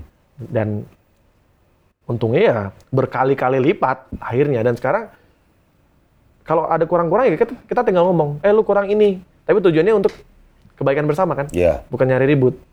Tapi kalau emang lu tidak mau ke major label nggak masalah juga. Kan banyak juga yang sukses kan. Contoh Hmm. Tulus, Tulus. dia sukses Iya. dengan, dengan labelnya sendiri. Iya. Ya banyak lah, banyak banget sih yang sekarang indie-indie yang naik gitu. Jadi, tapi eh, dengan fenomena indie major ini sebenarnya Ini nggak ada habisnya sih ngomongin Iya. indie versus major tuh nggak ada habisnya. menurut gua sih kalau buat gue indie adalah semangat. Hmm. The Massive itu ada di major label, tapi kita punya semangat independen. Hmm. Dari dulu kita selalu selalu pengen beda jalur gitu. Kayak Iya. contoh kita bikin piringan hitam. Kita ikut festival, hadiahnya ke Irlandia, menang. Hmm. Terus kita main jazz Hmm. di Java Jazz. Hmm. Main jazz benar-benar main jazz gitu. Bukan yang band pop main main lagu yang sama gitu. Enggak. iya. Kita benar-benar aransemen, latihan sebulan penuh dan sebagainya. Jadi balik lagi sih, maksudnya kalau buat gue indie adalah semangat. Karena gue pun banyak belajar dengan dari dari band-band independen. Hmm. Berapa kali gue kolaborasi dengan Sore, Hmm. sempat sama eh, efek rumah kaca saat Hmm. itu, sama Solil Iya. gue sebenarnya ketika gue berkolaborasi sama mereka, gue tuh belajar sebenarnya cara dia berkomunikasi dengan fans, nggak ada jarak. Iya. Nah saat ini gue juga gitu, gue mau sama fans ada Massive ya gue akan jadi teman gitu, Hmm. bukan yang harus untouchable yang nggak bisa dipegang gitu, Hmm. enggak. Tapi- yang rockstar banget gitu Iya, ya. Tapi mungkin ketika di panggung biasanya kan ada penjagaan. Betul ya, itu itu udah lumrah lah. Ah, lumrah kan. Hmm. Tapi ketika di luar panggung, gue akan sangat menjadi teman. Ya. Jadi lu misalnya ketemu gue nih, lu sapa ya, gue bakal ngobrol, Hmm. bakal biasa aja gitu. Oke. Tapi emang gitu sih cuy, maksudnya banyak banget musisi yang bi- udah dibilang kayak sudah di industri ini terlebih dahulu udah lama gitu kan. Hmm. Ya. Pasti kayak merasa gengsi untuk nanya-nanya sama musisi baru gitu Hmm. kan. Apalagi musisi independen gitu kan. Iya. ya itu menurut gue sih ya kan zaman berubah ya. Ya. Kita nggak nggak selalu terjebak sama masa kemasan gitu Bener, kan. bener. Heeh. Dan sebenarnya kita juga bisa belajar dari musisi-musisi baru sih. Hmm. Kayak contoh kemarin gue juga sempat bikin sama Baskara juga. Hmm. Dan gue gue juga sebenarnya belajar, belajar dari pola pikirnya anak sekarang tuh seperti apa sih gitu. Terus gue sempat nge-tweet sebenarnya soal yang yang nggak dengerin Fish, Hindia sama Pamungkas mungkin lagi dengerin lagu The Massive. Iya. Nah, itu rame tuh di, Ah. di apa di tweet Iya. banyak orang di, di retweet. Iya, ada yang serang juga. Diserang Iya. juga ada. Heeh. Tapi sebenarnya justru gue tuh lagi istilahnya mempromosikan si band itu juga gitu. Oke. Kayak misalnya ya walaupun gue ada di major label ya Hmm. gue dengerin musik-musik yang memang menurut gue patut gue dengerin gitu. Jadi sekarang ini kayak- kayaknya nggak harus ada sekat deh. Maksudnya ya musik Betul. adalah musik. Betul. Ketika gue jujur gue ngelihat em, apa uploadannya The Majors kemarin yang Om Leo sama Raja dan Hmm. Iya, sebagainya, iya. gue merinding. Ya ini musik, Iya. musik ya begitu. Lu juga mau Leo kemarin kan? Manggung kan? Kemarin tadi di kemarin tuh di Jember. Jember kan? Nah, itu baru-baru kolaborasi juga. Hmm. Seru banget maksudnya. Ya itulah Jadi musik. gimana sih kolaborasi lu main sama Om Leo? Om Leo Jadi nyetel- lucu nih, lucu. Jadi Eh. kita main live. Eh. Nah, Om Leo tuh kerjanya cuma lumayan gabut juga sih dia. Jadi dia cuma ngepasin lirik doang. Nah, jadi pas Oh, karena pas karaoke-nya. karaoke. Jadi, Ah. jadi kan kan kita kan ada aransemen live kan agak beda ya. Iya, iya, iya. Jadi dia tuh ngepasin gitu. Eh. Pas gue lagi nyanyi dipasin sama dia. Liriknya. Jadi Eh. orang tinggal baca. Oh. Itu seru sih. Seru-seru. Itu ide-ide yang brilian sih. menurut Iya, iya, iya. Jadi nggak terlalu kerja keras gitu. Si Om Leo juga kemarin Mas Mesh juga tuh. Oh iya, Mas. Iya. Mas Mesh juga sih. Dan sebenarnya Om Leo itu juga jadi salah satu orang yang naikin lagi eh, apa musis band-band di era gua ya. Betul. Kayak karaoke dan sekarang tuh Yes. music Setuju. bar tuh semua lagu-lagu band-band kayak The Massive, Iya. Peter Pan. Peter Pan, Raja diputerin Raja, juga, Kangen Band. Band. Eh. Ya.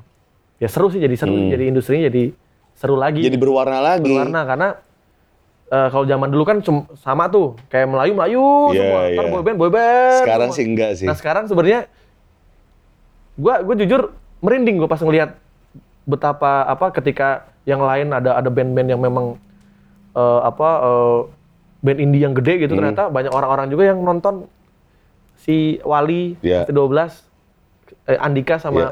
Raja manggung di Hmm. di acara itu dan buat gua ya ini ini ini harusnya begini nih tinggal tata kelolanya Hmm. kalau udah begitu musisinya sejahtera mantep banget keren banget tuh industri musik Karena sekarang sih emang orang udah cenderung apa ya, nggak nggak malu untuk nyanyiin sesuatu yang lagu yang menurut mereka dia suka Ya. gitu. Kayak ya udah gue nyanyiin lagu Massive, gue nyanyiin aja nggak usah malu gitu kan. Ya kayak kemarin gue di Bandung Ya, kan, ya. lagu lu semua tato-tatoan, kau hancur. kayak gitu-gitu kan. Ini gue lihat juga sama Mas Didi Kempot kan. nah benar Pas ketika gue ngobam over gitu kan pertama kalinya gitu kayak nah ini baru. Semua orang orang yang berdandan dalam tanda kutip edgy gitu kan menyanyikan lagu yang menurut mereka tuh kayak ini lagu patah hati gue gitu kan. Ya, nggak sebenarnya malu untuk mengakui. kayak lagu-lagu masuk banyak lagu patah hati juga. Ah. Ya, kalau di Jawa ini ya jadi lagunya Didi Kempot. Iya bener juga sih. Iya. Tapi yang lagu lu yang ini apa namanya jangan menyerah itu memang diciptakan lagi down banget atau emang itu jadi gini dulu itu gua kan memang lahir dari bukan bukan orang yang berada ya maksudnya emang minus ya Iya. bukan kalau nol kan nol nah ini di bawahnya nol nih mungkin bahasa halusnya miskin kali ya, dulu ya ya, ya, Iya. itu kasar banget oh kasar kasar oh kasar kasar Udah, maaf udah. maaf maaf udah ngalus-ngalusin tuh padahal Iya iya iya. miskin lah ya Iya iya miskin miskin lah ya. jadi Bahasa kalau makan ayam tuh ya sebulan sekali lah Iya iya. Jadi eh, sebenarnya ketika tadi apa sih pertanyaan? Ya lupa. Jangan menyerah. Jangan nyerah. Ya, jangan nyerah itu lahir dari memang kondisi gua gitu. Hmm. Kalau misalnya gua lahir eh, dari lahir gue ketawa itu mungkin gue nggak akan bisa bikin lagu eh jangan menyerah tapi karena gue lahir dari kondisi yang minus Hmm. dan eh, waktu itu gue ngelihat ada anak kanker pengidap kanker Oh, Oke. pengidap kanker dia sudah divonis sama eh, dokter itu empat bulan lagi meninggal Anjing. itu tahun 2008 akhir Ah, itu pas nah kebetulan juga The Massive saat itu kan kita naik banget cuma kan haters juga banyak Iya. pokoknya lu uh, pasti lah nah yang namanya kalau yang lagi naik pasti ada, ada aja Betul, hatersnya. betul, betul. Nah, di situ gue hampir kayak down juga gitu gila ya gue bikin lagu susah-susah banyak yang benci gue juga Hmm. di dunia maya dan sebagainya tapi di dunia nyata sih enggak sih kita, kita manggung tetap tetap rame-rame aja terus gitu tapi uh, tekanan di dunia maya itu cukup bikin gue agak-agak Down. agak down juga saat itu. Tapi gue lihat ada anak kanker, eh, dia sudah diamputasi kakinya, di eh, pakai kursi roda, itu nonton The Massive. Pas acara, pas acara Itu lu undang nggak? nggak, jadi nggak sengaja dia tuh di habis-habis kemo saat itu. Oke. Nah gue lagi manggung di rumah sakit Darmais. Ah. Jadi si anak itu nonton. Pas nonton, ternyata dia apal semua lagu The Massive. Waktu itu umurnya masih 12 tahun. Ah. Masih 12 tahun umurnya. Dan dia dia sudah harus kemo. Hmm. semangat banget. Wah gila. Pokoknya gue tuh sampai mata gue tuh sampai tertuju sama dia terus gitu. Apal lagu di antara kalian apal cinta ini membunuhku apal merindukanmu apal. Nah pas selesai acara itu ada dokter bilang tuh anak itu tadi empat bulan lagi sudah divonis jadi emang udah udah parah lah udah stadium 4 kankernya pulang ke rumah gue kebayang mukanya dong. Nah waktu itu gue gue belum punya rumah jadi masih kontrak. Hmm. bocor genteng bocor kan. Hmm. terus ngeliatin atap gitu kan. Atap gue bocor. Terus gue lihat gue ambil gitar inget mukanya dia sih mukanya si anak ini. Hmm. namanya Restu. Wah ternyata masih ada ya orang yang lebih Di susah dari gue ya. iya. maksudnya gue gue gue bisa menghirup udara nih. Tangan gue lengkap ya Iya. kan. Gue bisa bisa makan masih bisa manggung ada orang lebih susah dari gue nih bikin lagu tuh lima menit gue bikin jadi tak ada manusia yang terlahir sempurna Hmm. jangan kau sesali segala yang telah terjadi ya kayak ya udah lima menit gue bikin lagu itu gue telepon Rama Ram Hmm. gue punya lagu lagunya gini gue nyanyiin gua sem- semangat gue biasanya kan gue kalau nemu lagu baru gitu yang yang pertama kali gue telepon si Rama. Rama. karena dia biasanya dia langsung bisa nangkap apa yang gue Iya. pikirin gitu yaudah kita bikin demo bikin demo besoknya gue gua kasih ke Bu Acin Ah. harus segera dirilis nih lagunya tapi waktu itu masih ada liriknya don't give up bukan Ah. jangan nyerah Ah. jadi di situ kan jangan menyerah, jangan menyerah. Awalnya don't give up. Kata Bu Ah. Acin, ini kalau kamu don't give up, orang Tegal nanti nggak bisa nyanyiin. Ah. Yang di da- luar daerah susah nyanyiinnya. Ah. Kamu ganti deh. Yaudah Bu. Sorenya Jadi Ojo menyerah. Oh enggak. jangan menyerah. Oh iya, oh, iya, iya.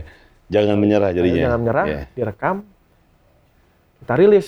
Nah saat itu ada kejadian bom. Bom kalau nggak salah Marriott. Oh oke. Jadi ada kejadian bom Marriott pas bulan puasa. Ya udah lagu itu kayak menggantikan lagunya Ebit G.Ade saat Betul. kan kalau orang habis bencana kan pasti Ebit G.Ade. Iya iya. Ini, Ini jadi ini lagu secara kalau bahasanya viral lah saat itu. Hmm. Ya udah itu jadi jadi lagu jadi lagu bangsaan banyak orang saat itu. Bahkan kayak MLM itu gue jadi sering manggung di acara MLM jadi. Iya, iya. karena untuk mencapai target harus pakai lagu Jangan Menyerah Hmm. dan banyak sekali kejadian-kejadian yang apa ya kayak fenomena-fenomena dari lagu itu tuh banyak banget. Kayak gue, gue pernah ketemu sama pem- pemuka agama di di Bali. Hmm. Dia bilang isi dalam kitab yang dia baca itu adalah jawabannya ada di lagu ada di lagu Jangan Menyerah. Serius lu? Iya, gue merinding langsung. So ada ibu-ibu datang, gue udah lagi di mall, lari. Umurnya mungkin sekitar hampir 60-an. Mas Rian, Mas Rian. Gue nengok kan, oh iya bu, Aku hamil mas. Oh enggak. Oh, enggak. Udah bisa oh, iya, hamil. Oh iya, oh, iya maaf. Eh bisa nggak sih kalau Oh, iya, 60 bisa tahun? juga. Bisa Bisa, ya? ada kok. Jadi dia bilang, saya terima kasih Oh. eh, sama Mas Rian karena sudah bikin lagu Jangan Menyerah. Hmm. Jadi kemarin saya sempat kena kanker Oh. Dan sekarang saya survive karena setiap hari dengerin lagu itu. Serius lu? Iya. Merinding gue langsung. Terus berapa kali gue datang ke, ke rumah rumah sakit eh, apa kanker itu si yang mengidap kanker tuh selalu pengen gue nyanyi lagu itu. Jadi gue biasanya sebulan sekali tuh gue suka sampai sekarang gue Hmm. datang ke rumah sakit rumah sakit untuk ngasih semangat yang yang sakit. Jadinya karena lagu itu gue akhirnya bukan terjebak, akhirnya terjerumus untuk akhirnya harus harus apa ya kayak apa pun acara charity Hmm. harus ada The Massive Iya. gitu. Jadi gue pasti ada tuh. Karena karena lagu itu. Bahkan berapa kali eh, acara kanker itu yang datang ungu nih atau Afgan gitu. Iya. Mintanya lagu jangan menyerah. Yang bener loh. Iya. Sampai segitunya. Jadi Ibarat kata kalau puasa yang nyayur bimbo lah ya. ya iya. Iya, ini lu nih. Kamu a- acara pokoknya ada bencana alam, ada apa pasti Iya, jangan menyerah. iya, iya. Itu itu jujur sih gua itu udah pasti udah Tuhan sih yang ngasih. Iya, iya. Karena emang lu nggak sengaja lima menit juga kan? Iya. Dan kebanyakan lagu- lagu-lagu yang hit justru memang 5 menit. Bikin kayak cinta imunuku. Itu lima menit. Iya, 5 menit. Karena lagi lagi kacau saat itu kalau Iya. ditolak mulu sama cewek kan. Yang bener lo. Iya. Kasih tahu ya namanya siapa? Janganlah. Gila, inisialnya aja minimal 4 huruf. Jangan. Oh, jangan, jangan, jangan. gitu. Jadi eh, ya memang buat gue sih lagu itu ajaib sih. Maksudnya Hmm. kadang gue juga sampai sekarang gue bingung bisa bikin lagu itu bingung. Tapi ada sempat ada kontradiksi nih di dalam lagu-lagu lo. Ketika lu katanya mempelagiat Hmm. band-band tertentu kayak My awal-awal. Chemical Romance kan. Ya, album pertama. Nah, itu lu pasti lu se- udah sering jawab ini Oh dong. iya, sebenarnya Ah, kalau di sama eh, notasi sih beda sebenarnya. Hmm. Tapi emang mungkin suasana musiknya hampir sama Hmm. misalnya. apakah saat Tapi- itu lagi ngedengerin lagu itu Tapi atau? akhirnya gue bilang gini, oh salah, bukan My, My Chemical Romance, Heaven itu, Say Ah. Something, lu perhatiin, dengerin deh. Iya, iya. Mirip itu gue bilang gitu. Iya, iya, iya. Maksudnya, akhirnya gue bilang, gue tetap belajar sih Ah. gini. Ketika orang mengkritik itu gua, pasti gue dengerin. Hmm. Dan gue selalu belajar dari kritikan orang. Gue Iya. paling seneng dikritik. Tapi kadang-kadang gue juga seneng berdebat juga kadang-kadang. Hmm. Tapi buat tapi tapi sebenarnya gue tuh dengerin, dengerin apa apa yang jadi kritikan orang. Kalau gue senang berdebat ketika lagi lapar. Iya. Lagi gabut. Demen tuh balas-balesin. Betul. Pas udah kenyang nih udah makan iya. gitu. Ngapain sih gue balas Iya, gini? iya, iya. Iya juga sih. Biasanya kalau lagi gabut karena suka. Iya, lapar sama gabut tuh kombinasi yang nggak bo nggak boleh baca-bacain komen deh. Tapi kadang gue juga eh, tetap dengerin kok kritikan orang. Hmm. Bilang saat itu dibilang plagiat, ya gue dengerin juga gitu. Tapi sebenarnya kalau bener-bener plagiat banget itu enggak. Iya.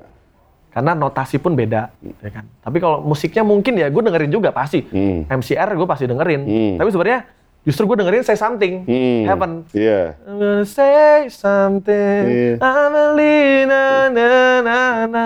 Oh. Na, na, na. Saat itu lu dengerin itu. Cuma mungkin perpaduan Iya. saat itu. Tapi ya gue belajar bener-bener yang belajar dari kritikan tuh sangat. Jadi ketika album kedua akhirnya gue lebih berhati-hati. Hmm. Jangan sampai ini orang nyam nyamain lagi nih gitu. Hmm.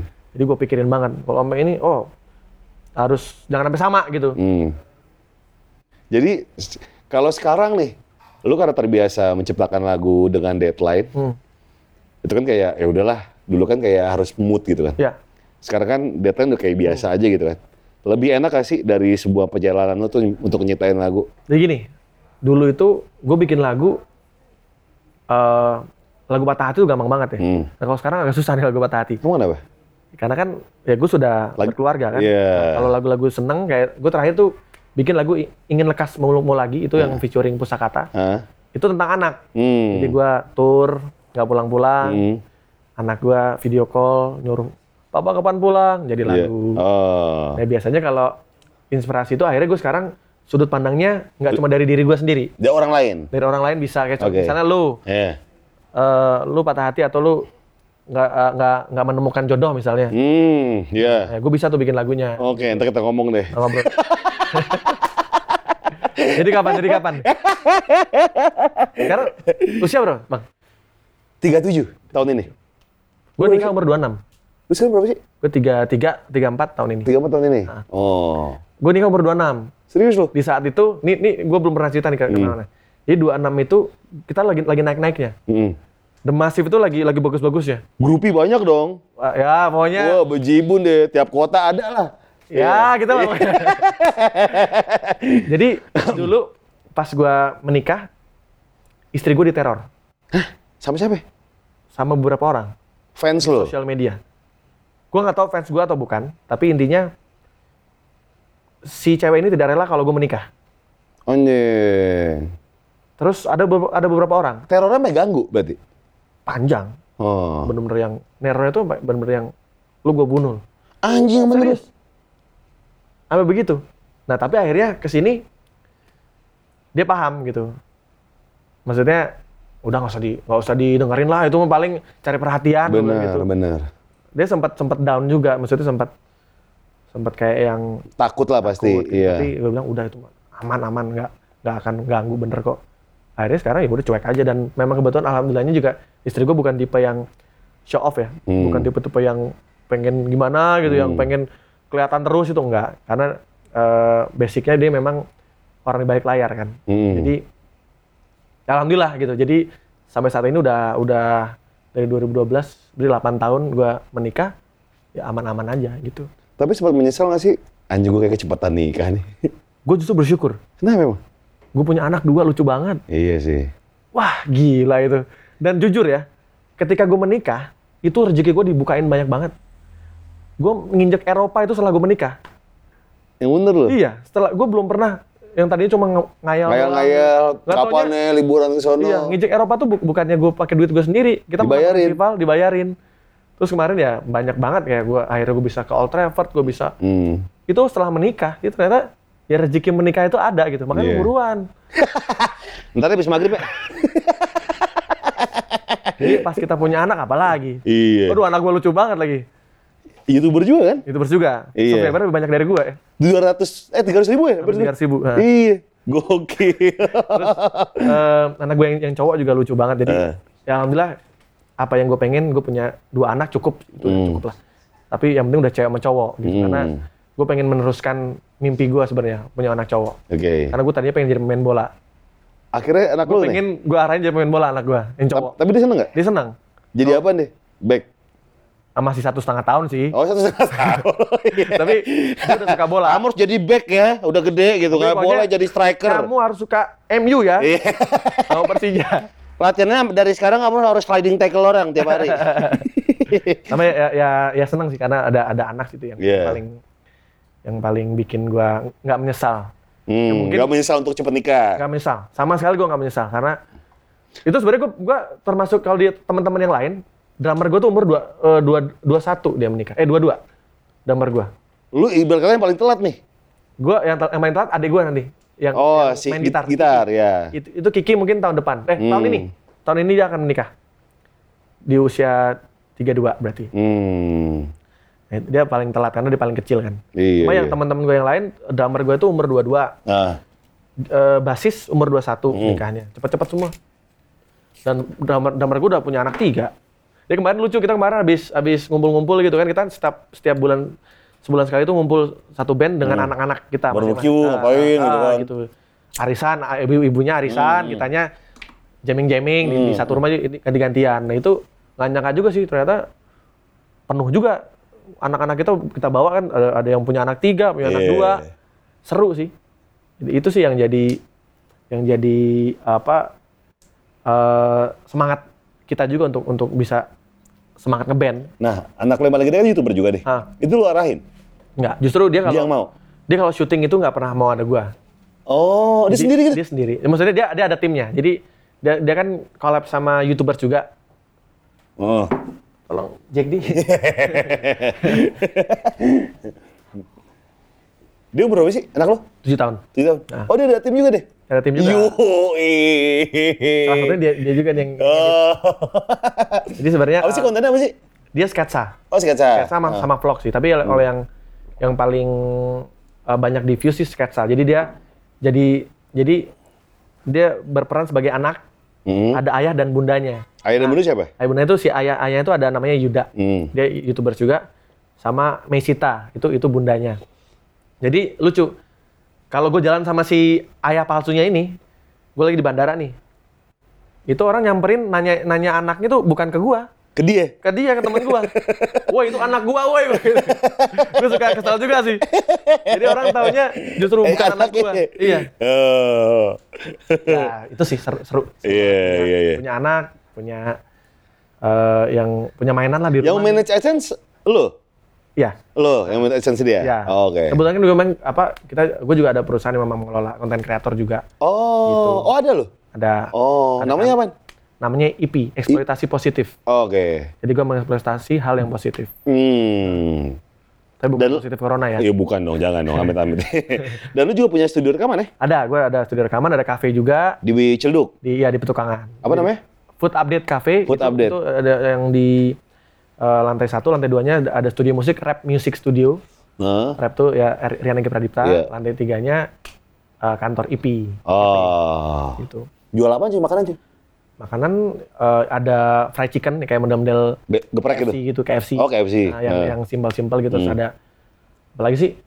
Ada ada ya ada geprek pecel gitu gitulah Iya, yang iya. yang murah meriah lah. Iya. Terus ada kalau minumannya ada alpukat kocok gitu gitu. Oh, alcok. Iya, alpukat kocok. Iya.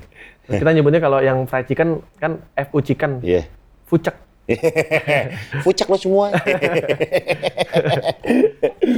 eh tapi ada satu ada satu momen di mana gue lihat waktu itu sebuah berita ya, lo dikasih gitar Iya. sama istrinya almarhum Ya. Krisa ya. Itu kenapa bisa lu cuy yang dikasih? Sebenarnya gue beli, Oh lu beli? gue beli. Ah. Tapi beli itu juga Mereka milih-milih dong. sangat milih. Oh. Jadi gue tahu tuh gitar-gitar yang Prisya itu ada di mana aja. Hmm. Jadi Lu ngulik tuh ya? Iya, karena kan di list ya, di list. Jadi gue memang berapa kali gue memang menyelamatkan benda-benda yang menurut gue bersejarah yang bisa bisa gue simpan. Hmm. gue pernah eh, mengamankan gitarnya almarhum Benny Panjaitan, Panbers. Hmm. Itu ada di gue juga. Nah, Krisya itu ada dua gitar yang gue selamatin. Karena buat gue itu itu keramat. Iya. Karena gitar itu kan lu bayangin ya, dipegang sama Krisya kan. Iya. Jadi masih ada keringat-keringat di dia. Mm, Nah, itu mm. gua tuh gua anggap itu adalah keramat gitu. Hmm. Jadi ya mungkin aja rohnya bisa masuk ke gua gitu kan lumayan. Iya, iya. Jadi dan alhamdulillah juga Beli berapa lu cuy? eh 25 jutaan. 25 juta. Gitar apa sih? Akustik gitu? Ada ada dua. Jadi masing-masing harganya 25. Hmm. Memang gua juga nggak nawar sih. Maksudnya ketika disebut Iyalah. harganya buat gua Udah, itu udah priceless. dipilih, udah dipilih Iya, lu gitu. priceless ya. Ah. Eh, ada Kramer. Hmm. Itu itu yang paling yang paling keren tuh Kramer, Kramer akustik. Hmm. Yang jadi gitar akustik tapi lancip. Hmm.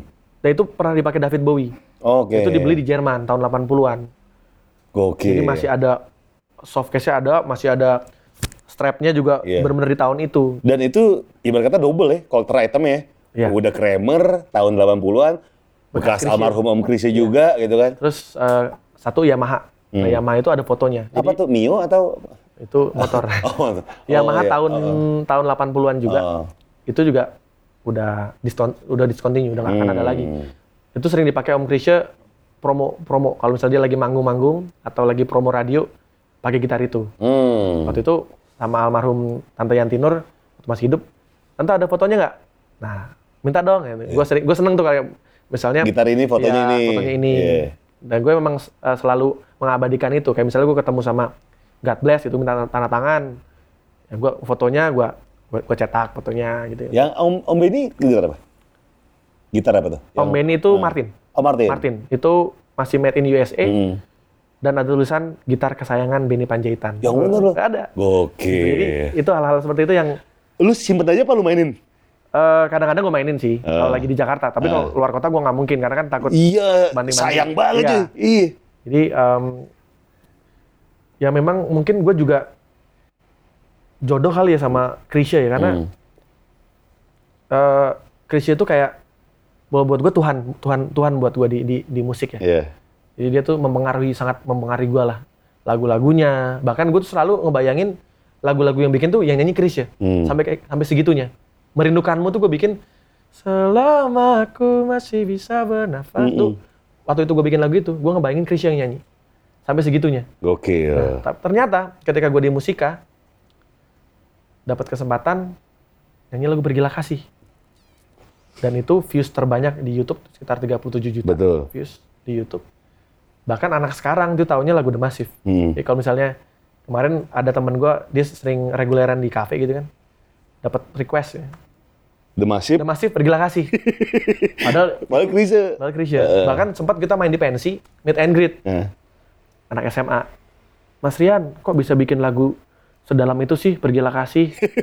itu Oh bukan. bukan, itu yang bikin Tito Sumarsono. Heeh. Lagu itu eh, eh, tahun 89 Hmm. rilisnya. Jadi sebenarnya kita juga, ini sebenarnya gini, Awalnya kan oh, Tito Sumarsono dulu nyanyi ya? Enggak langsung Chris ya. Langsung Chris ya? Tapi yang yang ciptain Tito Oke. Sumarsono. Ah. Tito Sumarsono tuh bikin lagu yang hit juga tuh yang yang di malam yang sesu Sunyi ini aku sendiri. sama Peter Pan nih Sama, ya. ya, sama Noah tuh. Ah. Itu Tito. Om Tito salah satu pencipta lagu yang Asli. gue seganin juga tuh. Dan suaranya khas banget. Khas. Eh. Kan lagu yang kau kan dia juga tuh yang bikin tuh. Yang mana? Kau na na na hatiku. Aku nana yang jauh menembus ke Itu dalam. Tito sama Sama Chandra Darusman. Chandra Darusman kan? Iya, berdua. Dibawa lagi sama Bunglon. Ya, Bung Lon. Ah. Itu not awalnya itu yang bikin Om Tito. Hmm. Nah, di refnya oh na na na nah itu kan udah jazz tuh. Iya. Om Chandra tuh. Oh. Tapi liriknya yang Chandra Darusman sama Om Tito sama Bunglon dibedain ya? Emang beda ya? Beda. Kalau nggak salah Bunglon tuh yang bait ref kedua doang yang sama. Oh, Ya. iya iya iya. Yang penyesalan Iya. ini. Gue juga tahunya dulu, gue kan Bung Lon yang nyanyi. Hmm. Nggak tahu itu lagunya Om Chandra. Oke. Bunglon tuh ke mana? Itu bagus loh band. Gue demen banget loh. Udah ganti vokalis kan? Dia vokalis deh. Vokalis. Yang Terakhir tuh dia ikut. kol- collab sama Neri Perkaso itu loh. Ya, Iya itu, keren, sih, keren banget. Itu terakhir tuh gue ketemu Bung Lon, tapi dengan dengan Udah berubah warna. udah jadi Iya. merah. Nah, ganti vokalis dia. Cewek juga? Cewek juga. Oh. Cewek juga. Em, kalau nggak salah dia di labelnya Raffi Ahmad ya kalau salah. Oh, kayak Rans itu. Yang Rans itu. Oke. Barengan sama si The Fly gitu-gitu. Heeh. Gokil. Terus pas lagu pas Om Benny Hmm. gitarnya pas lu mainin lu langsung auto nyanyi gereja tua gak? Itu jadi gini Om, eh, kita tuh punya ada hubungan yang cukup erat sih sama Benny Panjaitan karena kebetulan The Massive itu lahir dari di di Gang Kamboja. Gang Kamboja itu Hmm. eh, deketan sama kompleknya Panbers. Hmm. Ya dulu tuh kita kalau lagi latihan itu di studionya Panbers. Oh, oke. Nah, kadang suka Om Benny suka ngeliatin kita dari jauh gitu Ya. kan. Wih, Benny Panjaitan. tuh. Iya. Tapi biasanya yang Legend nih, legend, nih. legend-legend. Iya. Tapi ya biasanya yang sering Ngurus, eh, yang sering ngurus studio. kita Ah. itu drummernya Om Hmm. Sido, Sido Oke. Panjaitan. Ya, kalau kalau lu denger album eh, Panbers yang album pertama tuh Hmm. yang yang da- apa ini pokoknya ada yang ada piece-piece jadi sebelum slang Hmm. begini Hmm. Dia Pampers, udah gini. Pampers udah begini. Itu tahun 70-an. Persekutannya gila gokil ngobrol sama Rian The Massive in the Sky. Ini awal-awal mulai video ini ngomongin soal rambut. Dan memang benar, gue tidak pernah melihat perubahan rambutnya dari awal. Tapi emang pernah berubah sih gaya rambut lu? Dia kan kayak, bisa dibilang kan kayak, zaman dulu rambut indis. Iya. Indis Darren. Iya, itu indie. lu pernah nggak sih kayak rambut lu berubah gitu kayak Pernah sebenarnya. limbat, kayak limbat mungkin nggak? Enggak, jadi 2013 2002 2012 2013 itu gue pernah ganti ganti potongan apa gaya rambut. Oh, Jadi gue pakai apa sih namanya? Pomade. Ya? Pomade? Pomade. Hmm. Ini gue cepak nih, Hmm. kanan kiri nih. Hmm.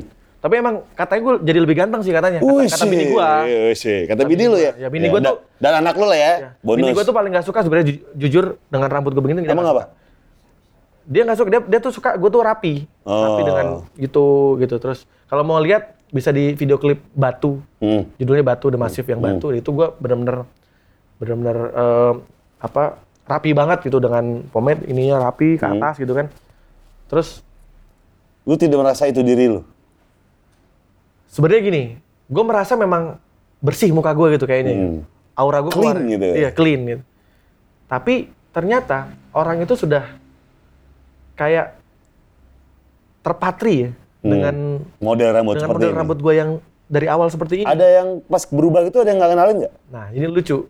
Gue tuh saat saat gue kan seneng ya misalnya ada orang nyapa tuh, weh berarti gue dikenal nih Iya. gitu. Nah, ketika gue Rian, pendek, Rian, hey. Pas nengok, oh saya kira Rian Jombang. pas pendek, ternyata gue jalan tuh orang gak ada yang kenalin sama sekali. yang bener. Sama sekali. Jadi ketika naik ke atas panggung baru tahu oh Rian The Massive gitu. Nah. Tapi ketika di bawah panggung orang nggak ada yang kenal. Terus eh, kayak misalnya gue nggak bawa nggak bawa KTP sempat beberapa kali Iya. ke bandara itu panjang lama. Ngapa emang? Ya, Ah, emang nggak bawa KTP? Iya, jadi Iya. dia nggak tahu. Gua, Ah. gua kan nggak mungkin bilang gue Rian Demas nggak mungkin, ntar dikira sombong kan. ya gue diem aja ketika gue Iya. nggak boleh masuk. Iya. Ya udah, Eh, gimana ya gue? Ya gue gitulah gitu. Gue nggak mungkin ngomong. betul, betul. Gue tuh Rian nama nggak mungkin Iya. gitu. Gue pernah cuy, ini berapa minggu kemarin, Eh. lagi di Citos, Oke. gue keluar dari WC, tiba-tiba, Woi yoi, Siapa? Surya Insomnia, weh, kan partner siaran gue ya, weh, gue gini-gini aja, weh, gitu kan. Terus, mau ke mana nih? Insomnia? Mau syuting, syuting ya di net? ya? Iya, gimana, lancar gak? Aduh, capek gue kayaknya gue mau berhenti deh. Jadi gue salah-salahin mulu. Dan gue sering banget dicap apa ya? Virgon. Tiap gue masuk nih, Serius? iya minimarket, setelah gue les child. Eh, Setiap gue masuk minimarket itu sering banget. Udah gitu tanya, nggak ngapain lagi mas? Kayak gue mau keluar nih. gue salah-salahin aja. lu paling enak berarti lu kalau ke, ke tempat pijat Iya. enak. Tanya, "Ma- Mas Virgon ya? Iya, iya. Langsung gosip. Mas Virgon mijit. gue kalau di kalau di ada orang salah sangka mah gue salah salahin aja. Mas Virgon nggak manggung. Kayak gue udah bosen sama band gue ini. Kenapa bang? Ada lah kayak mau bubar. gue salah salahin aja. Kalau misalnya dianggap Iya. macam-macam. Itu banyak kejadian juga sama si dulu gitarisnya Drive. Hmm.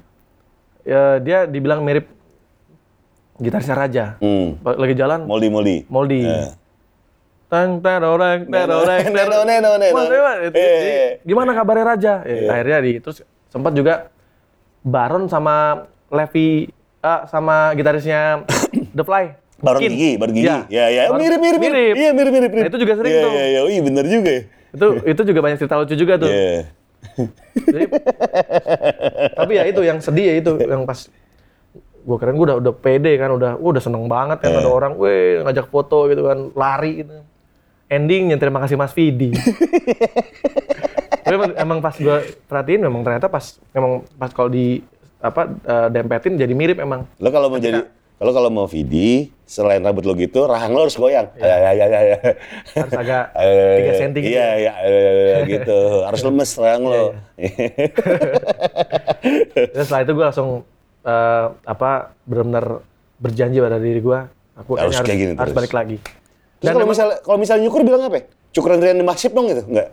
Nggak, jadi kebetulan yang potong rambut itu adalah tante gue sendiri. Oh, Gitu. sampai Jadi- sekarang? Sampai sekarang. Itu ada di lantai dua di eh, di Wah, enak dong. gitu. Iya. Oh, ada ada barbershop lagi, salon Ada, lagi. ah, ada. Hmm. Jadi kebetulan emang anak Demasif juga potong di situ deh kemarin waktu itu memang Tunggu tunggu, itu kan salon kan? Eh, satu satu ini malu berarti ya, satu Iya, usaha ya? Iya. Kan biasa ada poster cukur tuh, top collection misalnya. Itu nggak ada. Dari satu sampai sembilan. Ah. Itu muka lu semua nggak? Oh, nggak. Nggak ada. Jadi dia cuma bisa nyukur satu rambut doang. Kayak rambut doang. Ntar, ntar nggak laku. Oh gitu. iya. Kalau gua Ah. eh, sebenarnya kalau rambut itu yang paling nggak setuju gue potong rambut adalah bokap. Ngapa emang? Bokap gue tuh yang menentang gue gua potong rambut pendek saat itu. Oh. Kak, lu lihat deh, kan manggilnya kakak. Gue anak pertama kan. Lu lihat tuh perhatiin Mick Jagger tuh. Wih. Perhatiin siapa Sting, Iya. eh, Steven Tyler, Perhatiin tuh Maria Carey. Pernah nggak potong pendek? Iya. Nggak ada cewek, Pak. Oh iya, maaf. salah. perhatiin deh. Iya. Pernah nggak dia potong rambut? Kamu tuh harusnya tetap begitu terus sampai tua. Ciri khas. Itu akan jadi icon, Hmm. ikonik Hmm. apa gaya ikoniknya itu seperti itu. Jangan dirubah kak. Saat itu gua uh, apa uh, melawan melawan bokap saat itu. Hmm. Gua gua mau potong rambut pendek. Hmm. Ternyata bener. Malah orang pada nggak kenal. nah, setelah gue balik lagi ya, jadinya all access enak. Iya. Enaknya maksudnya kayak nonton Iya. konser, nonton apa Iya, tuh iya. kayak security atau yang jaga Iya, gitu, iya. tahu. Jadi Iya, kita iya. kayak dibantuin gitu ngapa-ngapain. gitu. Hmm. Itu sih enaknya sih dengan rambut seperti ini. Oh. Jadi kalau teman-teman yang ngarepin gua potong rambut, Jangan lah ya. jangan lagi lah. gua, gua begini aja udah. Iya, iya, udah iya. tenang, gua juga nggak nggak perlu pakai pomade lagi, gua Eh, gatel kan eh, maksudnya. eh. Kebetulan gua juga agak nggak kuat gitu. Apa muka jadi nggak jadi kan kalau misalnya pakai ini kan berminyak banget. Asli nurun gitu. Iya, nurun. Lah kalau kalau panas. Iya, Heeh. terus gue juga nggak perlu nyisir, nyisir. Hmm. gue cukup pakai sisir ilahi, Iya, pakai tangan ya. pakai tangan udah Eh. jadi gitu. Jadi simple sih, jadi jadi lebih nggak nggak nggak ribet aja gitu. Nah, sekarang yang kita bacain pertanyaan-pertanyaan. siap siap. Dari Instagram ada 1168 pertanyaan ya. Wow. Oke, ini dari Instagram dari Fakri 6. Tanyain dong pas manggung ada kuntilanak rasanya gimana? Emang pernah? Oh pernah. Eh itu 2000 di Papua di Jayapura saat itu. Serius? Nah, Kuntilanak. gede tinggi. Itu itu viral tuh. Kalau zaman sekarang viral lah. Keli- kelihatan itu tahun berapa? ya? 2008 nggak salah ya? Apa 2009 ya? Antara itulah. Di- Lu, di lu, ngeliat? Eh, itu dari video kelihatannya. Oh. Emang tinggi, jadi kayak tinggi gede gitu. Sam- Sambil, jadi pas lagunya merindukanmu. Hmm. Jadi itu membuktikan bahwa fans The Massive emang ada di di Ya nggak cuma Ya, nggak ada- cuma yang kelihatan ya. Yang nggak kelihatan juga ada juga ada. Iya, iya, iya. dan lagunya merindukanmu. Mungkin dia lagi kangen lagi sama Iya, keluarganya. betul betul. Ya positif thinking Positive aja lah. aja. Iya. Tapi serem sih, pas gue lihat agak serem. dan aneh saat itu Fotonya ada tuh di di video. video. Oh. Mungkin kalau di, di YouTube masih ada kali. ya. Iya. Jadi dulu itu anehnya ketika The Massive manggung hujan. Pas kita pas kita se- selesai berhenti, Hmm. terus kita ada kolaborasi lagi tuh sama sama Jerox. Hmm. Hujan lagi. Us. Nah, gua nggak tahu deh, nggak ngerti deh. Gokil. Itu aneh sih. Iya, iya. Oke, berikutnya. Gimana rasanya jadi anak band tapi juga supporter eh, supporter tim lokal? Bahaya nggak sih? Dari Aksara Biru, kan lu manggungnya di kota-kota iya. lain. Nah, ini, ini unik unik banget. Jadi ketika gua Lu manggung di Bandung udah sering enggak? banget, sering banget. Oh, serius lu? Makin sering malah. Jadi gini, semenjak gue mengikrarkan diri menjadi supporter Persija, Hmm. jadi sebenarnya gue tuh suka Persija tuh udah lama banget dari dari SD, dari tahun 97 Hmm. itu zamannya Widodo Cahyono Putro. Hmm. Karena gua tendangan balik. tangan balik. Jadi waktu itu kan dia pindah tuh dari Petrokimia ke Persija Hmm. tahun 97. Dan gue tuh inget banget gue nonton lawan PSBL Bandar Lampung, Hmm. itu skornya 8-2. Di Lebak Bulus, Widodo golin 5. Hmm. Semenjak itu gue cinta jadi cinta Persija saat itu. Hmm. Karena gue emang ngefans sama Widodo kan. Nah, jujur ketika gue mengikrarkan diri gue nih supporter, Supporter Persija, nih, itu berat Ah. sebenarnya. Tapi sebenarnya itu gue tuh lagi makan bakso, Ah. gue pakai jersey Persija, kok rame gitu, Iya. yang komen. Padahal kan memang sebenarnya gue udah udah dari kecil gue suka Persija Iya. gitu. Tapi ternyata eh, saat itu positif komennya, komentarnya positif dan akhirnya gue di situ kayak udah mulai memberanikan, memberanikan diri untuk nonton nonton Bola. nonton ke stadion gitu. Karena memang sebenarnya gue suka Persija dari sudah dari tahun 97 dari kecil dari SD. Nah, awal-awal banyak banget yang mencibir juga banyak Hmm. gitu dari dari terutama di, di sosial media ya. Eh, apa ya pokoknya ngata-ngatain lah gitu. Hmm. Tapi karena kebetulan gue juga tidak pernah mengucapkan kata-kata rasis Yes. dan kebetulan juga basis gua juga sebenarnya bopotoh juga Hmm. dia orang Bandung asli kan. Jadi sebenarnya eh, buat gua gua nggak perlu takut ketika gua mendukung satu klub di di Indonesia gitu Iya. karena justru tujuan gua adalah bikin bikin eh, orang-orang tuh bangga sama liga, liga liga liga lokal. Kayak contoh di di luar negeri kan Mick Jagger Arsenal, Ya. Ian Brown MU, Hmm. terus eh, Johnny Marr City, Hmm. Morrissey kan MU juga tuh. MU juga ya. MU dia. Terus ada beberapa musisi-musisi yang Oasis City juga nih. Oasis, adik kakak City, Iya. Bonehead-nya MU. Oh iya benar. Jadi sebenarnya bola sama musik itu harusnya justru menyatukan, Betul. bukan malah bikin berantem. Musuh, ya. Dan gua campaign-nya juga sebenarnya kayak gitu, karena buat gua sepak bola itu harusnya bisa bikin kita jadi begini nih, Hmm. gitu, bukannya malah berantem gitu. Dan ju- jujur fanbase The Mas itu banyak banget di, di, di Jawa Barat gitu. Nah, anehnya setelah kita gua mengikrarkan diri, makin banyak undangan ke Bandung. Serius loh? Iya, Malah jadi banyak. malah makin banyak, makin sering. Nggak ada yang rusuh tuh. Wah, wah, wah, wah Ada gitu. apa, ngibarin bendera Persib ada, Tapi nggak apa-apa kan? tapi salaman. Iya. Dan gua gua bilang apa? eh gue tidak istilahnya gue tidak kayak gue sangat menerima mereka gitu. Hmm. Bahkan sempat gue main di Jalak Harupat terakhir. Yang bener loh. Iya. Semuanya fans Persib dan gue salam salamin. Maksudnya ya memang gue kan nggak ada niat untuk menjelekan siapa. Iya, iya. Ya gue hanya hanya ya suka sama klub bolanya. Hmm. Tidak ada niat untuk istilahnya nyela klub ini klub ini nggak ada. Bahkan basis gue bobotoh malah sekeluarga. Iya. Dan kalau gue di Bandung gue kebetulan juga udah kayak rumah kedua juga. Gue rekaman banyak di sana juga kan, gitu. Terakhir gue main di Roots. Di Roots tuh kayak music bar juga. Iya, di Ruch ya. Roots itu eh, yang nonton pakai baju The Massive, Iya. dia pakai t-shirt The Massive, tapi dia dia dia Viking. Wih Dia sih. bilang, bang, gue Viking nih bang, wah keren. Eh. Gak apa-apa, gua gua Jackmania lu Viking, Eh. kita saudara ya. gitu. Iya. Ya seru-seruan aja, jadi Iya, biar seru. iya. Maksudnya ya bola itu buat hiburan. Gitu. Iya, iya. Rivalitas tetap nggak apa-apa, Iya. tetap harus ada karena Iya.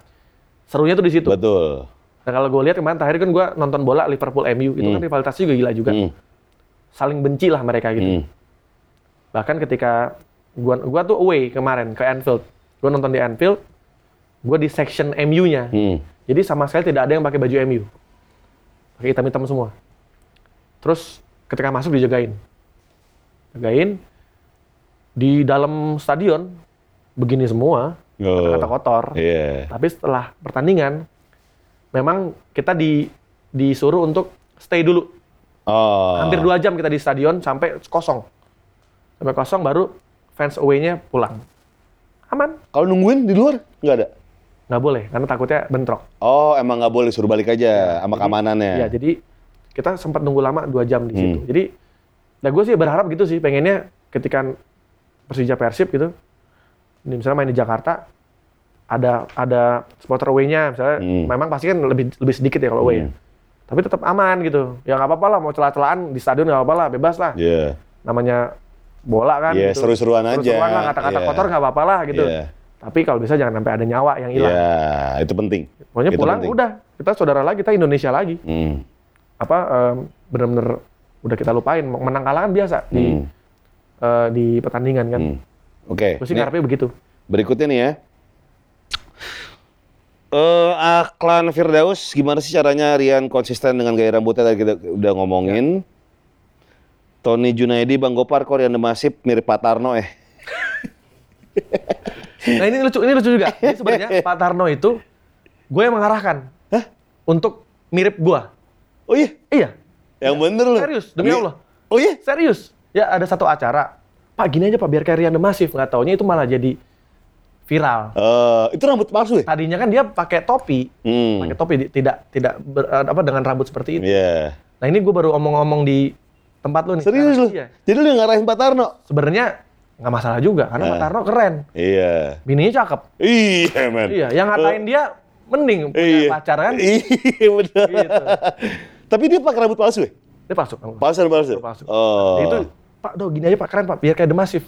Ini sebenarnya secara nggak langsung itu makin banyak diomongin. Iya, iya. Bagus buat gue juga. Iya, Jadi iya. hal yang menurut orang negatif buat gue tuh aman-aman aja. nggak masalah. Karena Pak Tarno eh, dia punya pasangan dan cantik. Iya. Nah itu yang yang penting. Iya betul. Nah. eh pas lu eh, apa namanya ngebantuin Pak Tarno Itu apa, acara TV waktu Acara itu. TV ya? Nah, di SCTV kalau nggak salah. rambut kan, Ah. dia ngomong gini nggak, tolong dibantu ya, prok prok prok nggak gitu. Nggak. Oh nggak. Eh, Ren udah mirip belum? Oh. Pak, gini aja Pak, nih, Iya, gini iya. nih Pak, Nah, Eh. udah mirip tuh. Eh, Gitu, ceritanya. baru tahu gue. Iya, itu ceritanya. Nggak Anjing. pernah gue ungkap di mana-mana. Oke, berikutnya. Eh, Geger, tanyain bang, koleksi kaos band yang Bang Rian yang paling membanggakan apa? Eh, vintage, ya gue gue koleksi kaos vintage juga kan. Hmm. Terakhir itu, ya kalau Morrisnya banyak banget yang vintage ya, yang, Iya. yang gue punya ya.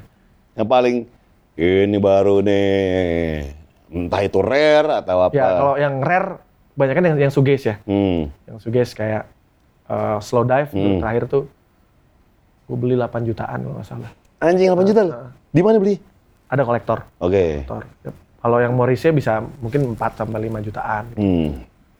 Itu berdasarkan tahun dan limitednya ya? Iya. Iya. Nah, biasanya kan kalau eh apa kaos itu dirilis ketika konser biasanya Hmm. di tahun itu. Hmm. Gue terakhir gue pakai kaos The Last yang There she goes, Iya, there she goes again. Itu kan gue pakai waktu gue away ke Hmm, Liverpool hmm. kemarin. Kenapa gue pakai? Karena dia band Liverpool kan. Oke. Jadi gue pakai kaos The Last itu bolong. Hmm. Gue beli 6 juta. Anjing. Padahal bolong. Iya. Jadi gue kebalik. Kalau kaos baru buat buat tidur. Iya. Kalau kaos yang vintage sampai bolong tuh gue gue plastikin. Pelan-pelan gue lus-lus. gitu. Iya. Kadang-kadang nggak gue pakai-pakai. Iya. Bener-bener yang gue cuma liatin doang gitu. Iya. Jadi ya, tapi buat hiburan sih bu. Betul, betul. Koleksi aja. Iya, kan betul. ada beberapa yang healing kita tuh Nah. mengkoleksi healing kita tuh kayak beli apa gitu. Lu tuh healingnya koleksi. Ya, dan gue kan sudah berkeluarga. Iya. Ini penting buat para kolektor. Ah, Lu jangan pernah bohongin istri untuk membeli eh, apa eh, hobi lu. Lu harus Ah. jujur. ah, Karena gini, ketika lu jujur akan ada doa juga dari dari istri kan. iya. Kan kadang beberapa kali gue lihat Harganya dimurahin. Harganya lima ratus ribu, bilangnya lima ratus ribu, ada harganya 5 juta. Ah, Nah, gue nggak, gue gue jujur. Kayak gue beli gitar, beli apa, beli vinil. Aku beli ini ya, Iya. harganya segini, Ah. gitu. Jadi tahu itu ada doa restu juga dari pasangan Oke. kan, karena kebanyakan menutupi harga. iya, iya, Terus iya. itu nggak, nggak apa, justru itu malah bikin jadi masalah kan. Hmm, Dan koleksi-koleksi gue ini bisa menghasilkan juga. Jadi kadang-kadang ada orang yang nawar lebih mahal. hmm. Misalnya gue beli 5 juta, besok-besok udah nawar 15 juta. Hmm. Ada sampai ke situ. Yang beli tapi orang luar. Oh. berapa kali waktu di Camden, gue kan waktu ke UK gue ke Camden. Hmm, Itu gue nemu beberapa kaos kayak Sonic Youth, hmm. terus em apalagi yang kemarin ya. Pokoknya ada ada beberapa kaos eh, band yang Lu borong tuh. itu kalau dibeli gue cuma 200 ribuan. Hmm. Gue jual bisa sampai 3 juta. Iya. Tapi yang beli orang luar. orang-orang Thailand, orang Ah, Singapura, iya, iya. gitu. Karena memang pasarnya segitu, tapi ya gue ngubeknya 5 jam. Iya, Pelan-pelan di tempat loakan gitu kan. iya, iya. Di Camden dan udah gitu yang yang jaga serem Hmm. apa, apa gotik gitu. Iya. Orang Itali. Waduh. Pokoknya nggak ngenakin lah orangnya gitu, tapi barang-barang dia sak- sakti-sakti. Pas gue ke dalam Banyak tuh. Sonic Youth. Terus gue nemu wet wet wet gitu kan ada ah. band wet wet wet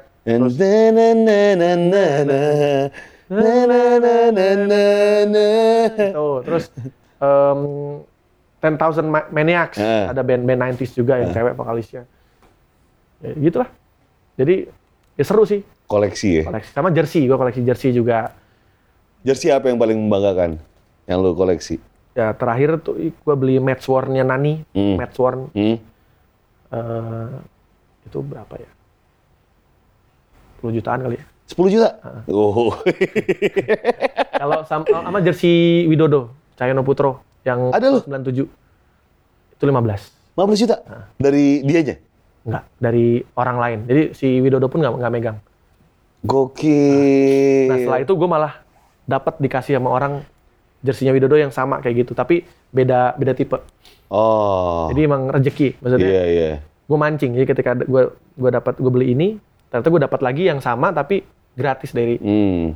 dari orang, dari Gokil. manajernya Persija yang dulu tahun 97 Ada di Jimen tuh ya? dia nyimpen. Gue dikasih 5 kemarin Oh iya? dan udah ditawar satunya 35 juta. Anjing, lu, lu pas ya? Enggak lah. Iyalah, simpen aja lah. Iya. Oke, berikutnya nih. Oke, kita di Twitter aja deh. Di Twitter itu ada, bentar, 576 pertanyaan. Ush, banyak. Bang, giveaway jer- jersey Persija dong, lu giveaway, giveaway mulu lu. Usaha, kerja. Terus, Tuh, gitaris gue komen tuh. apa? Tanyain, Rian mau jadi vokalis saya kan? lagi, Mumpung lagi libur libur corona. Kan emang jadi vokalis lu, Rama. Dari Ale Serin. Bang, kenapa kalau nyanyi kayak mau ajan? Oh iya, Oh, iya. gaya-gaya gini tuh gimana tuh? Ah, Sebenarnya gini, lu kalau ngelihat band-band Inggris kan suka suka gini-gini kan? Iya, iya, iya. Eh. Nah, akhirnya Kalau asisten belakang. Tangannya di belakang gitu. Ah. ya maksudnya Morrissey tuh dia sering sering begini. Iya, iya. Gini gitu. Sebenarnya eh, dari situ sih awalnya cuma Hmm. Waktu itu tercapture sama Massivers saat itu tuh jadi lebay. Hmm. Masa, masa ada orang nyontoin sampai begini-gini? Lu perasaan nggak sampai segitunya Iya, gitu? iya, iya. Tapi ya itu itu kan ekspresi masing-masing ya. Ah, ah. Akhirnya eh si apa fans The Massive itu menganggap itu gaya gua. Akhirnya, Oke. akhirnya gua terusin Oh. begini. Oh. Jadi mic lu begini berarti? Ya pokoknya Jadi mikrofonnya di sini. Berarti lu nggak lu nggak pegang mic ya? pakai stand mic. Pakai stand ya? Ya. Atau kalau misalnya megang mic ya begini. Oh. Nggak mau nggak lu suka yang mic mic ini sih? Nggak suka ya? kayak ini loh, kayak Agnes Monica. Yo, kayak lagi mau main Dota. Nggak, sebenarnya gue begini tuh ini pas lagi nyetom angkot. bang stop bang. Dulu kan sering naik angkot kan, channel Oh. satu kan. Channel coy coy coy. Yoi, pebulungan. Yoi. Yang berikutnya dari Ali Maruf. Ya. Masih ver bocah yang sering di inbox dan dahsyat. Sekarang gimana kabarnya mas? ada yang ada yang balas nih. Sekarang udah dapat gitar. Oh iya, sempat eh, tahun lalu kalau salah acara di Cibubur atau apa gitu ya. Ah. Gue kasih gitar dia. Tapi sekarang memang dia dia udah udah SMA. Dulu kan Oh. dia masih kecil. Ah, ah. Itu lucu tuh dia dulu sempat nggak pernah mau sekolah. Ngapa emang? Pengen nonton Massive terus. Oh iya? Mana-mana. Jadi akhirnya gue bilang ke, ke dia untuk kamu harus sekolah. Hmm. Nanti kalau misalnya nonton The Massive pas lagi bisa aja. Hmm. Atau pas, li- pas lagi libur. Jadi pernah gue em, datang ke rumahnya ngasih surprise ulang tahun. Eh. Gue amazed dengan koleksinya dia. Oh di koleksi? Koleks tentang The Massive. Dan lo tahu Apa? tisu yang pernah gue kasih bekas keringat gue dikacain sama dia. Yang bener loh? Iya.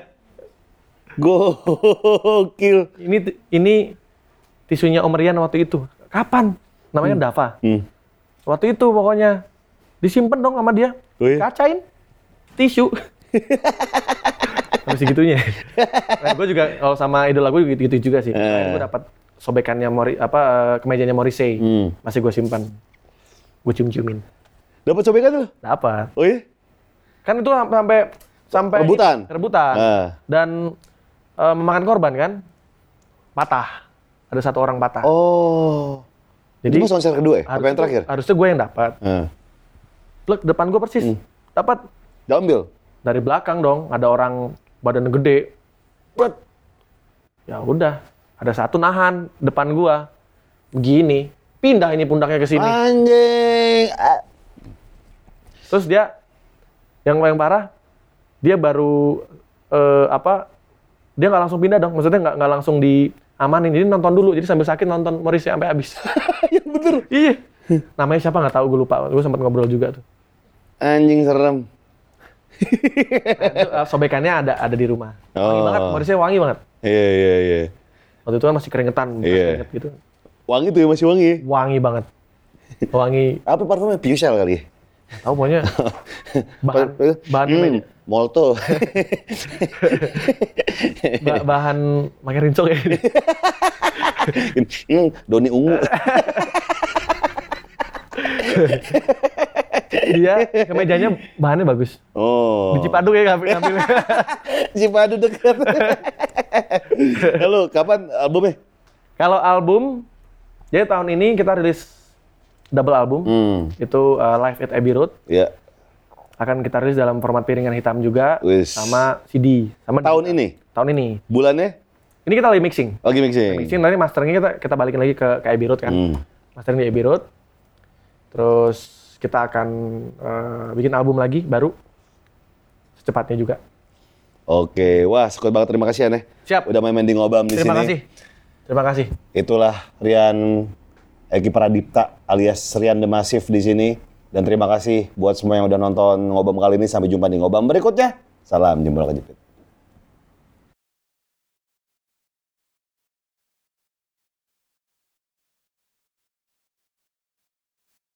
Ada orang, ada cowok lari dari dari ujung sana. Wush. Wah, ke gua. Hmm. Mas, mas, mas, foto dong, foto. Oh iya, iya. Foto. Cekrek. Oke. Terima kasih Mas Vidi. Ya.